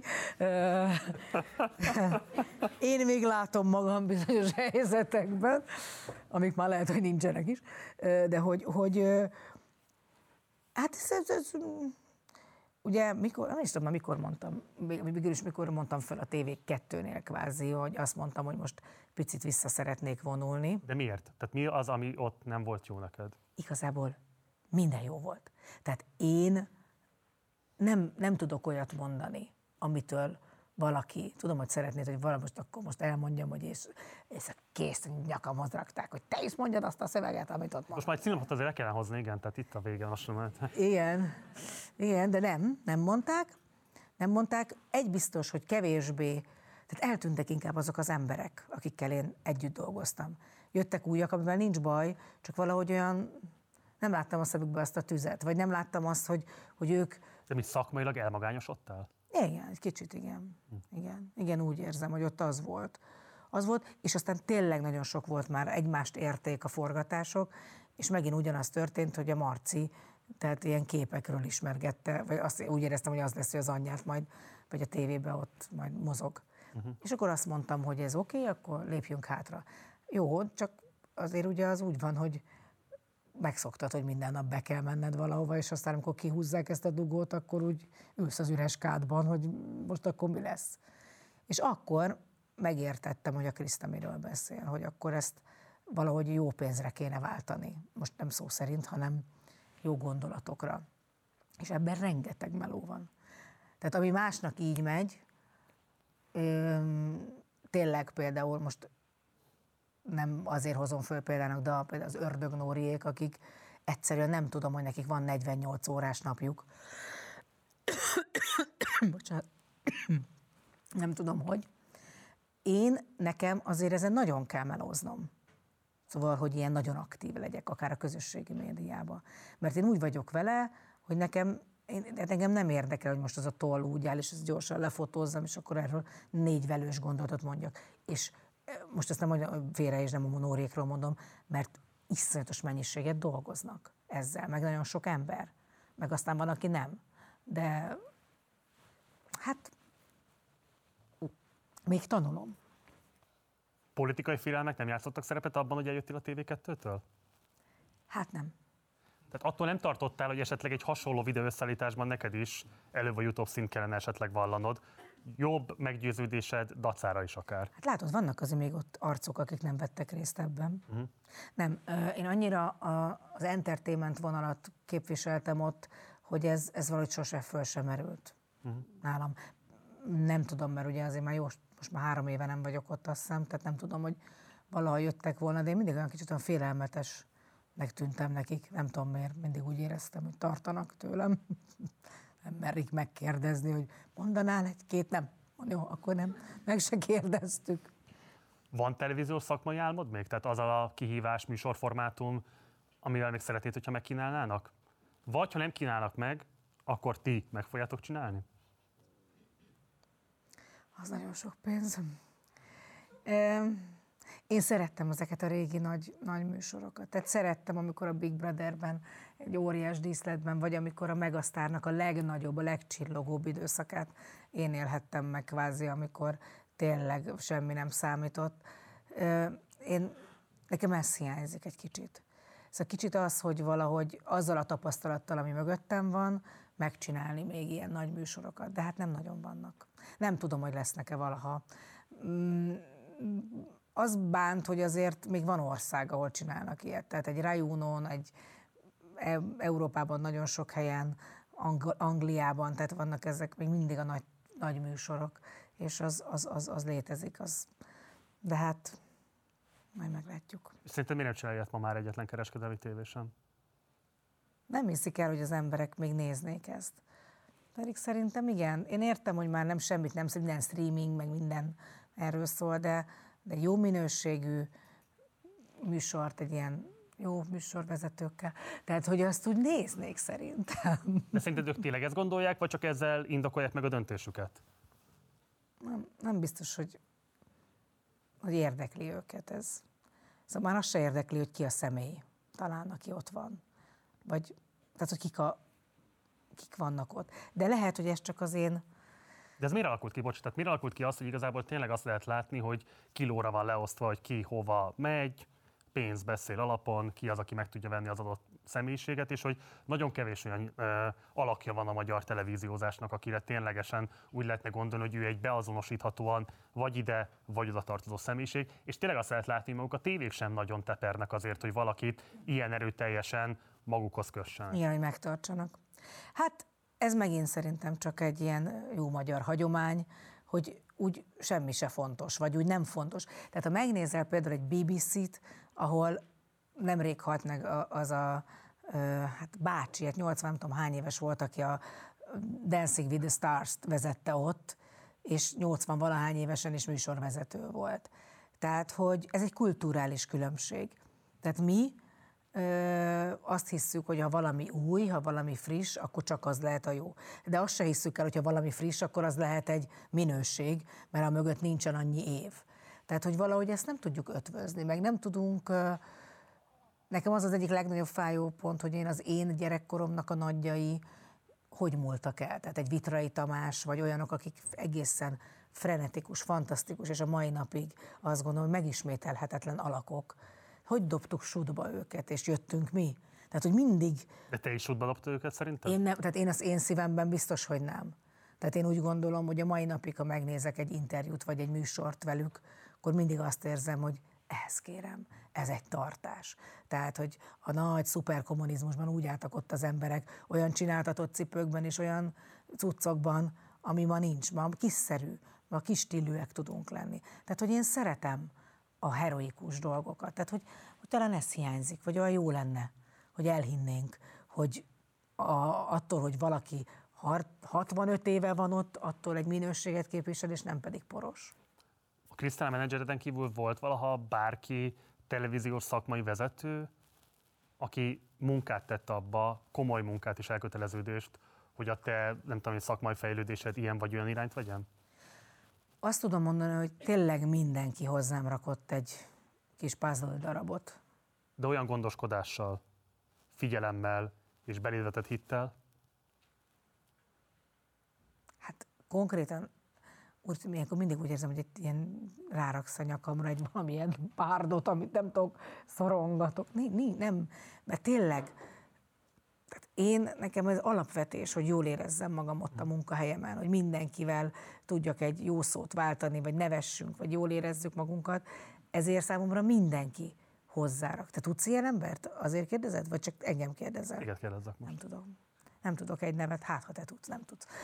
Szóval, hogy nem, nem, nincs, nincs egy név, rengeteg név van. Uh-huh. Rengeteg, rengeteg.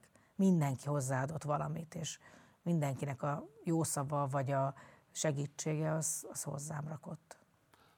Ugye azt szokták mondani a Krisztáról, hogy nagyon stratégikusan építi azokat a személyiségeket, akikkel dolgozik. Ha le kéne írnod, akkor hogy néz ki az a Liptai Klaudia, aki elkezdett dolgozni vele, és most igazából ki ez a Liptai Klaudia, és most a szakmai megítélést kérdezem. Hát egyértelműen egy teljesen ösztönös, kicsit riadt, iszonyatosan híres, hírhet nőcike. Miért hírhet? Hát amikor mi találkoztunk, akkor 355 napot voltam címlapon azon az év, abban az évben, és ugye van 365 nap egy évben, és akkor ő nagyon tudatosan mondta, hogy ez másfél év lesz, amire ezt kiütjük a, az írott sajtóból, hogy ezt, ez a megítélésed legyen, ami most van. És tényleg eljött a másfél év, és tényleg megérkezett a világ legnyálasabb cikke, ami megérkezhetett, és, és, és ig- igaza lett. És ez egy olyan hitet adott nekem egyébként is benne, hogy, hogy onnantól kezdve nem volt kérdés, hogyha ő azt mondja, hogy jobbra nézek, jobbra nézek, és ez nem egy szolgalelkűség, hanem egy tudatosság. Na ez hiányzott belőlem, és ha ez a különbség, amit kérdezel, ez van most. Majd sokkal tudatosabb, az ösztöneit megtartó, de nem elmebeteg módon. Magabiztosabb is? Egy szempontból igen. Igen. az az egy szempont? Hát az, hogy tudom az értékeimet. Tudom azt, hogy én olyanra vagyok képes, amire senki. Tehát pénzben nem tudnak megvezetni, azt mondod? Ja, de abban van, mint az állat. Jaj. Hát ugye, ide is eljöttem tök ingyen. Na mindegy, szóval, hogy... Tehát, ne, csak hogy benne lehessek ebbe a körbe is, az értelmiség is elfogadjon. Hát ha, az lesz. Ha nem, akkor az egészet megette a franc. Itt ülünk 46 órája. Már mindenkinek a párna beleépült a fenekébe. Na, mindegy. Szóval, hogy, hogy én azt gondolom, hogy, hogy, hogy ez iszonyú fontos, hogy, hogy de pénzben megvezetnek, viszont azt tudom, hogy unikális vagyok. És, és, és igen, szóval van egy olyan képességem, hogy bármit, bármikor megcsinálok, ami ezzel kapcsolatos a televíziózás. Tehát a Holdon levegő nélkül kell vezetni műsort, akkor ott csinálom meg, és az is szórakoztató lesz. Halhatatlan, szó szerint.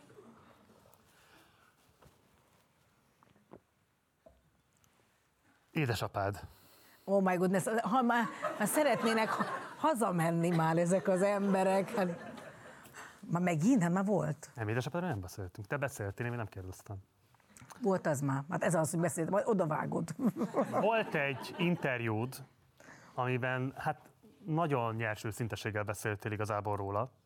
Nézzük meg ebből egy rövid részletet, és aztán lenne néhány kérdésem, hogyha lehet. Már megint? Már bocsáss, meg nem erre mondom. Ja, Istenem. Ez most biztos az az év anyukám, hogy ezt elmondom. Ne, ne haragudjál, mert Még élt anyukám? Hát, ha megértik akkor az emberek, hogy, hogy miért döntöttem így. Hogy olyan érdekes, hogy mindig visszaköszön, hogy azt mondta ez a lány, hogy mindig jöttek a rendőrök, és mindig azt mondták, hogy amíg vér nem folyik, addig nem tudnak mit csinálni. És soha nem fogom elfelejteni, hogy én napokig be voltam zárva anyukámmal egy szobába, négy napig étlen szomjan voltunk, mert kint állt az apám egy késsel, és jöttek a rendőrök, és azt mondták, hogy nem tudnak semmit csinálni. És anyu, már picit, az, azt hiszem hat éves lettem, és kérdezte, hogy most elváljak, és én mindig azt mondtam, hogy ne anyu, mert ciki. Mert amit mondok az osztálytársaimnak, amikor én voltam hat éves, akkor még nem volt ez divat, hogy elválnak, vagy ez olyan. És anyu azt mondja nekem most, hogy nem tudom, hogy miattam nem vált el, de hogy annyira sajnálja, hogy akkor megkérdezett engem, mert, mert biztos, hogy boldogabb lennék, vagy nem lennék ilyen, nem lenne ennyi érzelmi labilitás bennem, ha akkor kicsit korábban dönti ezt, és nem, nem hagyja, hogy eluralkodjon ez a félelem rajtunk, és, és tönkre menjen így az életünk. Tehát én szörnyű dolgokat láttam otthon. De nem volt anyónak kiútja, tehát ő nem tudott volna megfogni engem és arrébb költözni, mert tényleg arra nem volt pénzünk néha, hogy néha tőlem kért el a zseppénzemet, hogy kenyeret vegyen. Édesapád egy súlyosan abúzív ember volt? Nagyon, nagyon durván. Nagyon. Annál még durvábban. Veled szemben is? Igen. Igen, de ez már főleg a végén, én mindig inkább közéjük álltam. Közéjük álltál? Igen, igen, igen. Tehát, hogy, ne, ver, édesanyádat? hogy ne verje anyut, igen. És egy iszonyatos agresszió volt bennem, tehát én nagyon sokszor, fú, tehát hogy nem történt valódi nagy tragédia, amire most mondjuk valahol a börtönbüntetésemet tölteném, az egyértelműen az volt, hogy azért akkor is eszemnél voltam, és tudtam, hogy nem szabad semmi olyat csinálni, de, de nagyon.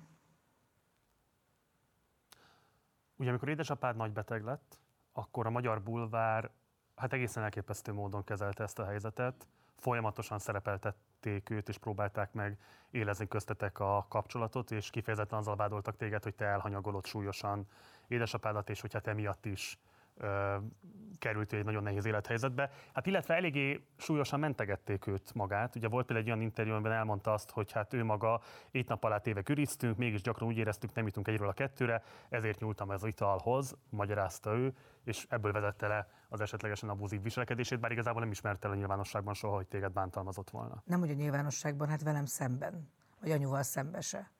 Tehát soha nem történt meg az, hogy kislányom, ne haragudj, hogy ezeket tettem veletek. Tehát ugye itt annyira sok és annyira hosszan éveken tartott, tehát hogy ezt, azért ezt egy korai demenciával nem lehetett magyarázni, tehát azért neki emlékeznie kellett volna. De anyukámat mutatja az is, hogy Szóval igazából ez az egész, ő tök mindegy, mivel magyarázza, mert ez egyértelműen egyfajta féltékenységnek a következménye volt. Tehát az anyu nem szerette soha, szerette aput, de nem volt szerelmes belőle, valaki másba volt szerelmes, és apukám meg szerelmes volt anyukámba. Egyébként ezt későn értettem meg, És mi- bocs, akkor, de akkor miért kellett összeházasodniuk? mert anyukám, akiben szerelmes volt, az elvett valaki mást, és aztán így hozzám ment, szerintem egy kicsit bosszúból is apámhoz. Ezt későn, későn jöttem erre rá, vagy később, jöttem, amikor felnőtt voltam akkor, hogy ez így történt, mert ugye gyerekként te a szüleidet nem nőnek meg férfinak látod, hanem anyának és apának. Tehát te nem akarod tudni, hogy nekik ilyen problémák vannak, meg nem is érted. És ez, ez, ez volt szerintem az egész feszültség. Nagyon sokszor Bosszú, hallottam várj, bocs, kinek akart bosszút állni ezzel? a, azon a férfin, aki Hogy elvette lássa, hogy neki is azért van. Neki így biztos. Én ezt így rakom össze. Uh-huh. Soha nem beszéltünk erről anyámmal, de hogy azért alapvetően ezt én azt gondolom, hogy így történt. És, és hát nagyon sokszor utána később realizáltam, hogy az apám mindig, amikor részeg volt, mindig valami féltékenységi dolgot vágott az a, anyám fejéhez, az apám, hogy, hogy te, mert amikor azzal voltál, meg azzal mentél, meg az anyám soha nem csinált semmit egyébként. Tehát olyan rendes nő volt. És, és egyértelmű volt aztán már később. Ez, hogy ennek természetesen ez nem ok, vagy ez nem lehet ok arra, hogy agyonverjenek állandóan minket. Ez mikor került felismerésre általad? Mármint, hogy agyonvernek minket? Nem, hogy ez nem normális.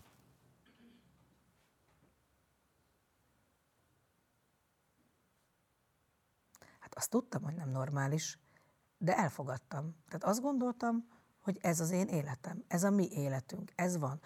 Anyámra azért haragudtam, egyébként olyan 22-23 éves voltam, és hogy ez, amit elmondtam, hogy, hogy, hogy ő azt mondta, hogy de azt mondtad, hogy ciki, azért nem válunk el. És akkor úgy éreztem, hogy soha a büdös életben az én gyerekeim nem fogják hat évesen megmondani. Természetesen van egy mondata, hogy ő mit nem szeretne, de hát én vagyok a felnőtt. Hát jó ég áldjon meg, hát én nekem kell eldöntenem. Tehát én nem tehetem felnőtté a gyerekemet. Én nem tehetem olyan helyzetbe, hogy aztán később, mi az, hogy hat éves gyerek mondja meg, hogy mi legyen. A szabályok azért vannak, hogy biztonságot adjanak. Hát én azért is vagyok eléggé po- poroszos ilyen szempontból a nevelésemben is, mert Az vagy? az igen. Az mit jelent? Hát, hogy csak másodszorra csinálom meg, amit kér tőlem. Nem. Nem, nem. Tehát, hogy én, én, én, én szeretem a szabályokat. Mondom, tehát ez, ami nálunk ugye... Ez poroszosság? Hát olyan, igen, mert ma mindenki olyan partalan, hát ugrál a gyerek másik felnőtt fején, meg minden. Tehát én rosszul vagyok a neveletlen, földön fetrengő, egymásra köbdöső gyerekektől. Tehát az én gyerekeim, Ez nem poroszosság, felelős szülő vagy, kijelölöd a kereteket. hát azért biztos te is találkoztál, tehát ilyen kis antikrisztusokkal, akik ott rohangálnak, és, és mint az Ómenből Démien, ilyen, nem tudom, és, és nem szól rá a szül, megőrülök. Hát, ugye van kis cukráznakban sokszor jönnek be, és néha így ma, tehát hogy, hm, na hát tessék már rászólni arra a gyerekre. Hát szóval egyszerűen nem értem az embereket. De Én... és mi lenne, ha meglépnéd? Ja, volt már. Á, Nem most a cukrászában volt, amikor a panka valami játszótéren voltunk, és fölment a a csúszdára, és mindig jött egy nagyobb kisfiú, és az mindig így meglökte. És így a panka kétszer meglökte, harmadszorra oda mentem, megfogtam a gyereket, és mondom, hogy na ide figyelj. Tudom, hogy te nagyobb vagy, mint ő, de én meg nagyobb vagyok, mint te. Ott állt az anyuka, végignézte az egészet, és még erre se szólt semmit. Mondtam, jó, van, akkor gratulálok elsőként a gyerekedhez. Nem, én azt gondolom, hogy, hogy, hogy ez egy iszonyú fontos dolog, mert ezzel megtiszteled a másikat. Tehát ez egy tisztelet, hogy, hogy, hogy a, nem azt mondom, hogy csöndbe kell lenni a gyereknek, de végig kell hallgatnia azt is, amit én mondok, ő is. Ez egy kommunikáció, amit az egész életében fog aztán később hozni. Visszatérve az előző kérdésem, az az hogy élted, amikor a bulvár kérte számon rajtad azt, hogy nem vagy elég gondoskodó édesapáddal szemben, úgy, hogy közben a történetek azt a részét, hogy ő hogyan viselkedett veled szülőként kisgyerekkorodban, nem írták meg, nem is tűnt úgy, hogy különösebben érzékenyek lennének ezzel szemben. Hát dühítő persze, de addigra már szerintem annyira mi sok mindent írt rólam a bulvár, aminek a tizedese volt igaz, hogy azért ezt akkorra megtanultam. Egyébként ilyen szempontból egy kicsit változott ez. Tehát ma már szerintem, most nem is csak az én személyemben, hanem ma már jobban azért odafigyelnek, hogy a nagy valótlanságok már ne történjenek, meg a nagyon, persze van ferdítése, hogy ne lenne, de, de hogy inkább nem tudom, tehát hogy, hogy ma már velem kapcsolatban aztán végképp nem. Egyébként ez is fontos, ezt is a Krisztot tanította meg, hogy nagyon diplomatikusnak, tehát jól, jól kell kezelni. Tehát ha te jóban vagy velük, akkor ezt tudod úgy van, hogyha megszeretsz, nem is, mo- sokan mondták, és nem is akarnak velem találkozni, mert aztán még megszeretnek, és akkor már nem tud rólam rosszat írni. És, és ebben jó vagyok, tehát tudom, hogy aki egyszer velem leül beszélgetni, utána nagyon nehéz azt mondani, hogy az a hülye büdös korva. De nehéz, na. Hát, hogy az igazi ellenpróba, aki még ezek után is képes. Igen, Hát az egy ellen, az biztos. Ezt az interjút a tévéket azért is adtad, mert szeretted volna, hogyha empatikusabbak, legalábbis a nézők azzal szemben, hogy te mind mentél keresztül? Sose voltam ilyen tudatos. Hát ebben a korszakomban aztán végképp nem. Ö, szeretnél valami megértést, ezért feltételezem. Hát biztos, hogy az ember vágyik arra, hogy de gyerekek, én nem ez vagyok, hát, én, hát nem igaz, amit írnak, hát ez, ez, ez, tehát rossz olvasni, tehát én eleve nagyon rosszul viselem az igazságtalanságot. Ebből adódott a legtöbb problémám az egész életemben, hogy állandóan kiálltam, ugye én voltam az, aki fölálltam, és mondtam, hogy a szarakaja a benzán, nézzétek meg, hogy hányan állnak mögöttem. Tehát, hogy ez én voltam ott a legelső sorban. Én nagy, nagy, nagy ilyen partizán voltam, de, de ja, jaj, kérlek, énekelj. Ne, elment a zenekar. De hogy, de hogy, hogy, hogy én, ezt, én ezt nagyon sokáig toltam, aztán mindig rájöttem, hogy tényleg egyedül maradok magamban, úgyhogy, úgyhogy biztos, hogy ez is egy ilyen fajta, de nem akarják. Tehát az emberek egyébként furák, mert ha akarják, meghallják. Ha akarják, akkor nem hallják, vagy nem azt hallják ki belőle. Ugye az egy nagyon-nagyon érzékeny és kitett helyzet, hogy a szülő, akitől a biztonságot, az érzelmi, fizikai biztonságot, támogatást, elismerést kellene kapnod, aki az elsődleges navigáció a kisgyerekkorban a világ dolgait illetően, az valójában a veszély forrása, a bántalmazás forrása, tehát, hogy egyszerre kell rá úgy tekintened, mint aki egyébként kapocs a világhoz, de közben meg akitől igazából a legsúlyosabb bántalmazásokat szenveded el. Ezen hogy teszi keresztül, vagy hogy teszi túl magát az ember? Hogy küzd meg ezzel? Hát így látod? Tehát úgy, hogy például nem vagyok hajlandó pontosan az alkoholizmussal kapcsolatban, a MeToo-val, a saját életemmel, a férfiakkal való kapcsolatban a megítélést erre ráhúzni.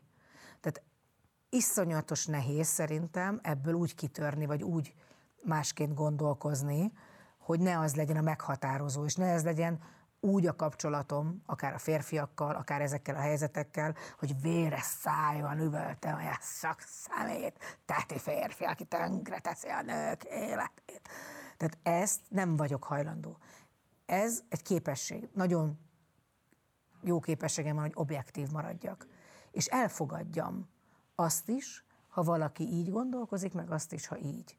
Tehát, hogy nem akarom, nem akarom, most ugye mindig mondom, hogy a szélsőségeket nem szeretem, de ezen túl van egy csomó minden. Hogy én, én akár a politikában, én elfogadom, hogy ő másként gondolja, csak ne akarja, hogy én is. Tehát, hogy én, ha ő is fogadja el, hogy én is másként gondolom, és ebből ne legyen bajom, vagy ne, ne legyen, ö, ne legyek azért én megítélve rossz lánynak, mert én szerettem, hogy sok férfi szeretet, vagy szeretem, hogy szépen néznek rám, vagy szeretem, ha meglegyintik a popómat. Tehát, hogy ez, ez nagyon fontos. Ez a nyomorult elfogadás, amiről annyit papolunk, csak képességünk nincs rá. De hogy lehet elfogadni a bántalmazást? Nem azt fogadom el, kedves Márton. Figyelek, Claudia, várj, jegyzeteid? Nem, nem, nem azt fogadom el természetesen, hanem megpróbálom én úgy élni az életemet, hogy ne ez nyomja rá a bélyegét. És próbáljam meg természetesen azt, hogy én ne kerüljek ugyanebbe a helyzetbe, mert azért ez hajlamosít, hogy az ember újra és újra ugyanazt a filmet forgatja. Anélkül, hogy bele tudnánk bármilyen véleménybe, tényleg a, vé- tehát a te véleményedre vagyok kíváncsi.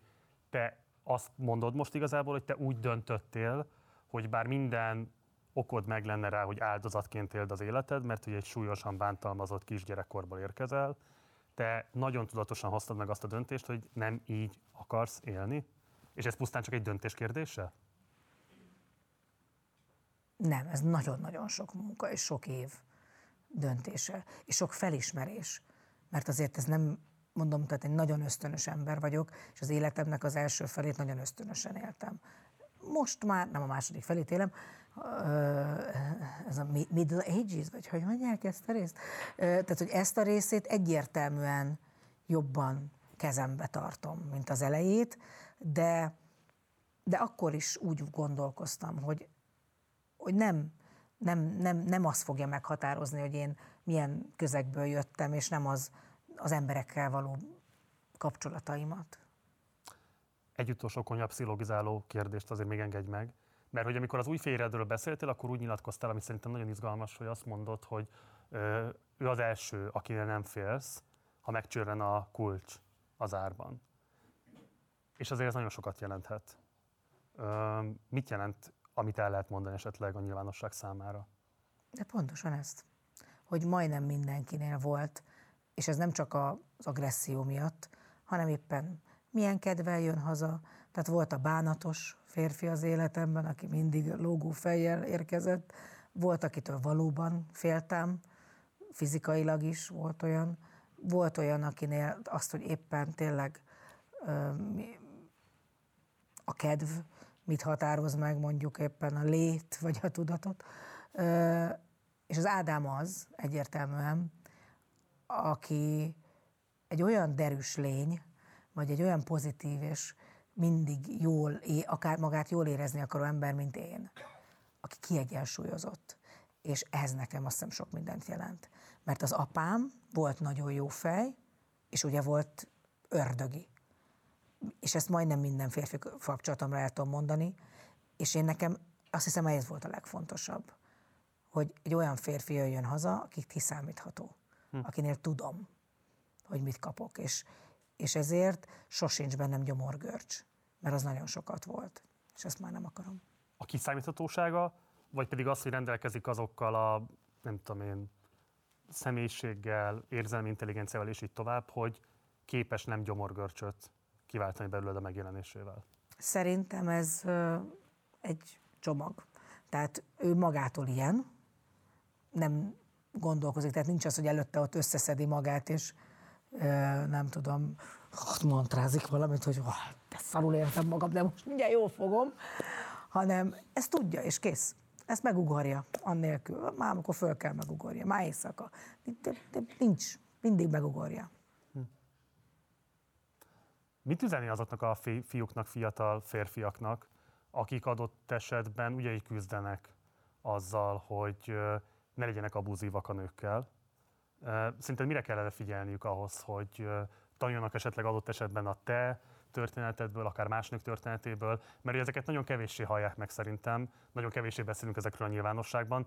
Ha üzenhetnél nekik, akkor mit üzennél? Hát az első és legfontosabb szerintem, én nekem ez egy örök gondolatom, hogy a férfiakat ott vesztettük el, amikor kivettük a kezükből az íjat, a puskát, és már nem mamutra kellett vadászni, hanem beültettük akár egy szék mögé, vagy valamikor elvesztették azt a fajta, vagy amikor egy férfi elveszíti a saját magába vetét, vetett hitet. Tehát kezdjük ott, hogy az anyukájuk legyen velük olyan, és tanítsa meg arra őket, hogy a férfi mindig tisztelettel van a nő iránt. Mindig, tehát az én férjem, az, ha a fiam egyszer tiszteletlenül beszél, akkor bizony ott kérem szépen nagyon komoly retorzió van, ott elkapják, ott fölmegy, ott nincsen, nem beszélheti. Tehát, hogy ezt már nagyon kicsi korban meg kell tanulni egy férfinak, és hát nem megtanulni, ezt kell látnia. Tehát ugye ez egy fontos kép. Tehát nekem nem volt, én akartam, hogy más legyen, de nagyon sok időbe telt. És hogy merjenek férfiak lenni. Tehát, hogy találjanak maguknak egy olyan dolgot, amiben ők kiteljesednek férfiként.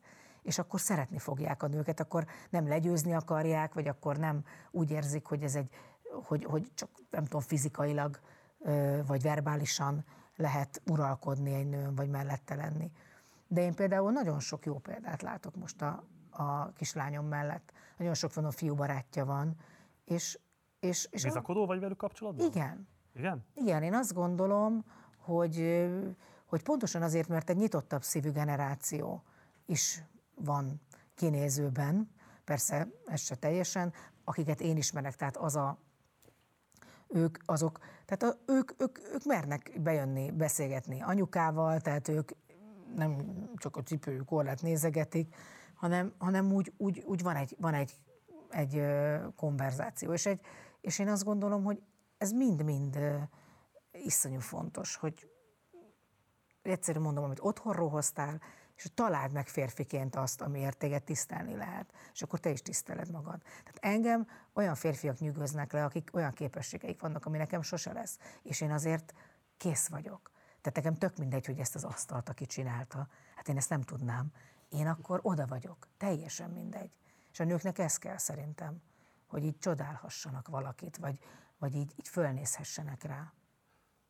Ugye a különböző tanulmányok azt igazolják, hogy azok a nők, akik 16 éves koruk előtt a családon belül bántalmazást akár csak láttak, pláne hogyha elszenvedtek, azok később a saját párkapcsolataikban nagyobb eséllyel lesznek ugyanúgy áldozatai bántalmazásnak. És ugye az erőszak az egy, az egy, az egy kommunikációs forma, amivel ö, egyébként megfertőzik adott esetben férfiak a következő generációk férfiait. Úgyhogy kérdeztelek, hogy mit üzennél a fiatalabb férfiak számára, mit üzennél azoknak a nőtársaidnak, akik adott esetben nézik ezt a mostani adást, nézik ezt az interjút veled. Lehet, hogy pont egy olyan kapcsolatban vannak benne, ahol bántalmazzák őket, magukat, a gyereküket, egy olyan abúzív férjel, akitől nem tudnak elszakadni anyagi okokból, a társadalmi megítélés okán, bármilyen más okokból kifolyólag. Igazából mi az, amivel nem tudom én, akár biztatást, akár szolidaritást tudnál nekik biztosítani? Szerinted mi az, amivel lehetne változtatni ebben a, ezen a társadalmon, hogy, hogy ne egy ilyen ciklikusan tovább öröklődő erőszak minták határozzák meg a nők helyzetét Magyarországon? Az a baj, hogy arra, arra nem tudok megoldást, hogy amikor már benne vagy, akkor mi történjen. Tehát én ugye én minden, amikor jött egy ilyen, én kiléptem. Nem biztos, hogy mindig jó időben, de én kiszálltam. De ezt ugye sokan nem tudják megtenni. De én valahol korábbra tenném, hogy mi, mikor nem történik ez meg. Egy az, hogyha szerintem figyelünk a másikra, vagy szóval egy érdeklődünk, nem veszítjük el az érdeklődésünket. A férfiaknak iszonyú fontos a figyelem, és hogy ők fontosak legyenek. Tehát amit ő csinál, és ez egyébként mind a két félre természetesen igaz, de a férfiaknál, amikor kezdik elveszíteni az ő férfiasságukat, vagy azt az erejüket, szerintem ott kezdődik az agresszió. Mindig az az ember agresszív, mondom, aki nem tudja máshogy megteremteni a figyelmet maga felé, csak akár egy ököl ütéssel, meg egy nem, valamivel. Tehát, hogyha ezt meg tudjuk előzni, vagy hogyha rájövünk, hogy már egyáltalán nem érdekel minket ez a pasas, csak az, hogy valahogy életbe tartsuk magunkat, akkor ki kell találnunk, tehát ki kell alakítanunk egy saját életet, de hát én ezt könnyű helyzetből mondom, mert én mindig önálló voltam. Rohadt nehéz, tehát azért itt olyan társadalmi helyzetek vannak, amiben nagyon nehéz egy nőnek önállósodni. De van olyan barátnőm, aki elviselte, elvűzzük, nagyon szereted ezt a szót, az abúzust, sok éven át. Nem szeretem ezt a szót, nem. Oké, okay, nem szereted, vagy akkor bocsáss meg, használod, nem szereted, használod, de értem, hogy erről beszélünk, de hogy nagyon fontos, hogy, hogy ő is képes volt. De hiába mondtam én neki, hogy szerintem már hagyjuk már ezt, meg már válj el, meg nem, tök mindegy. Ez az ő lendülete, az ő ritmusa. Meg kellett születnie benne, hogy tényleg elege van belőle. De ezt mindenki maga tudja. Tehát ez... Te is úgy fogom azt, hogy mindig kiléptem, anélkül, hogy elárulnád a korábbi kapcsolataidat vagy szerelmeidet, az kijelenthető, hogy az Ádám az első olyan tartós kapcsolat az életedben, ahol nincs miből kilépni a bántalmazást illetően? Hát egyértelmű, hogy ő soha. Pedig mindent megteszek érte. nem. Egyébként ez a másik, de hát ebben most már nem menjünk bele, hogy azért a nők is nagyon keményen ki tudják húzni a gyufát szerintem. Anyád hát, valaki húzta? Anya? Hát vagy magyarázható az ő viselkedésével bármi is abban, amit apád elkövetett? Hát én magamról beszélek, anyuról nem beszélek. Nem, hát itt szerintem, szerintem, szóval nem kérdés, hogy nem, sosem megoldás, nem kérdés, hogy nem megoldás, egy agresszió. De, de olyankor meg mi nők hagyjuk már, hogy elmenjen tényleg kimenjen a lakásból, amikor még ott refögünk a fülébe, és csak mondja a nő is. Szóval azért ez, ez kétpólusú, tehát nem a, a megoldás soha nem lehet az erőszak. Nem kérdés. De az se, hogy, hogy egyszerűen le lehetetlenítünk egy férfit. Tehát én mind a kettő pártján állok. Mindenki tanulja meg a saját szerepét, és mindenki azt addig terjedjen. A férfi értse meg, a nő soha nem azért kérdez, mert valóban választ akar, hanem csak el akarja mondani az ő problémáját. Nem kell a megoldás. Nem kell megoldás, csak az minket meghallgatni. Mindegy, szóval, tehát, hogy én azt gondolom... A figyelem. A figyelem. Figyelem, figyelem kell. És a férfinak is kell a figyelem. Tehát, hogy egy férfi, általában sokkal magukba zárkózóbbak, meg érzelmileg ugye nehezebben megnyilvánulóak, bár szerintem minden férfi, tehát amikor a kisfiam, amikor azt mondják tényleg egy gyerekkorban, bár talán ma már nem mondják, ne sírjál, te fiú vagy. Jézusom, hát dehogy nem sírjál. Sőt. Tehát merjenek sírni a férfiak? Imádtam, nekem minden faszim sírt. Merjenek figyelni a férfiak. Igen, mindent, mindent, mindent. Merjenek, tehát férfiak legyenek, és ne hagyják, ne hagyják magukat, ne hagyják, és ebben mindenük segítsünk. És nem fog megtörténni, Isten bizony nem fog. Tehát, és ez egy munka, mert szerintem bizonyos év után mindenki el mm, fárad, és eltonyul ebben a másik felé alkotott figyelemben. És, és igen. Maradjunk éberek. Igen, ez, ez kicsit úgy hangzott, mint a, a Tanú című filmben. Maradjunk éberek. Igen, virágelvtárs, maradjunk éberek. Klaudia, hát nagyon szépen köszönöm, hogy elfogadtad a meghívásomat, és hogy ilyen hosszan engedted, hogy kérdezzelek téged. Szeretnék egy nagy tapsot kérni Liptai Klaudiának.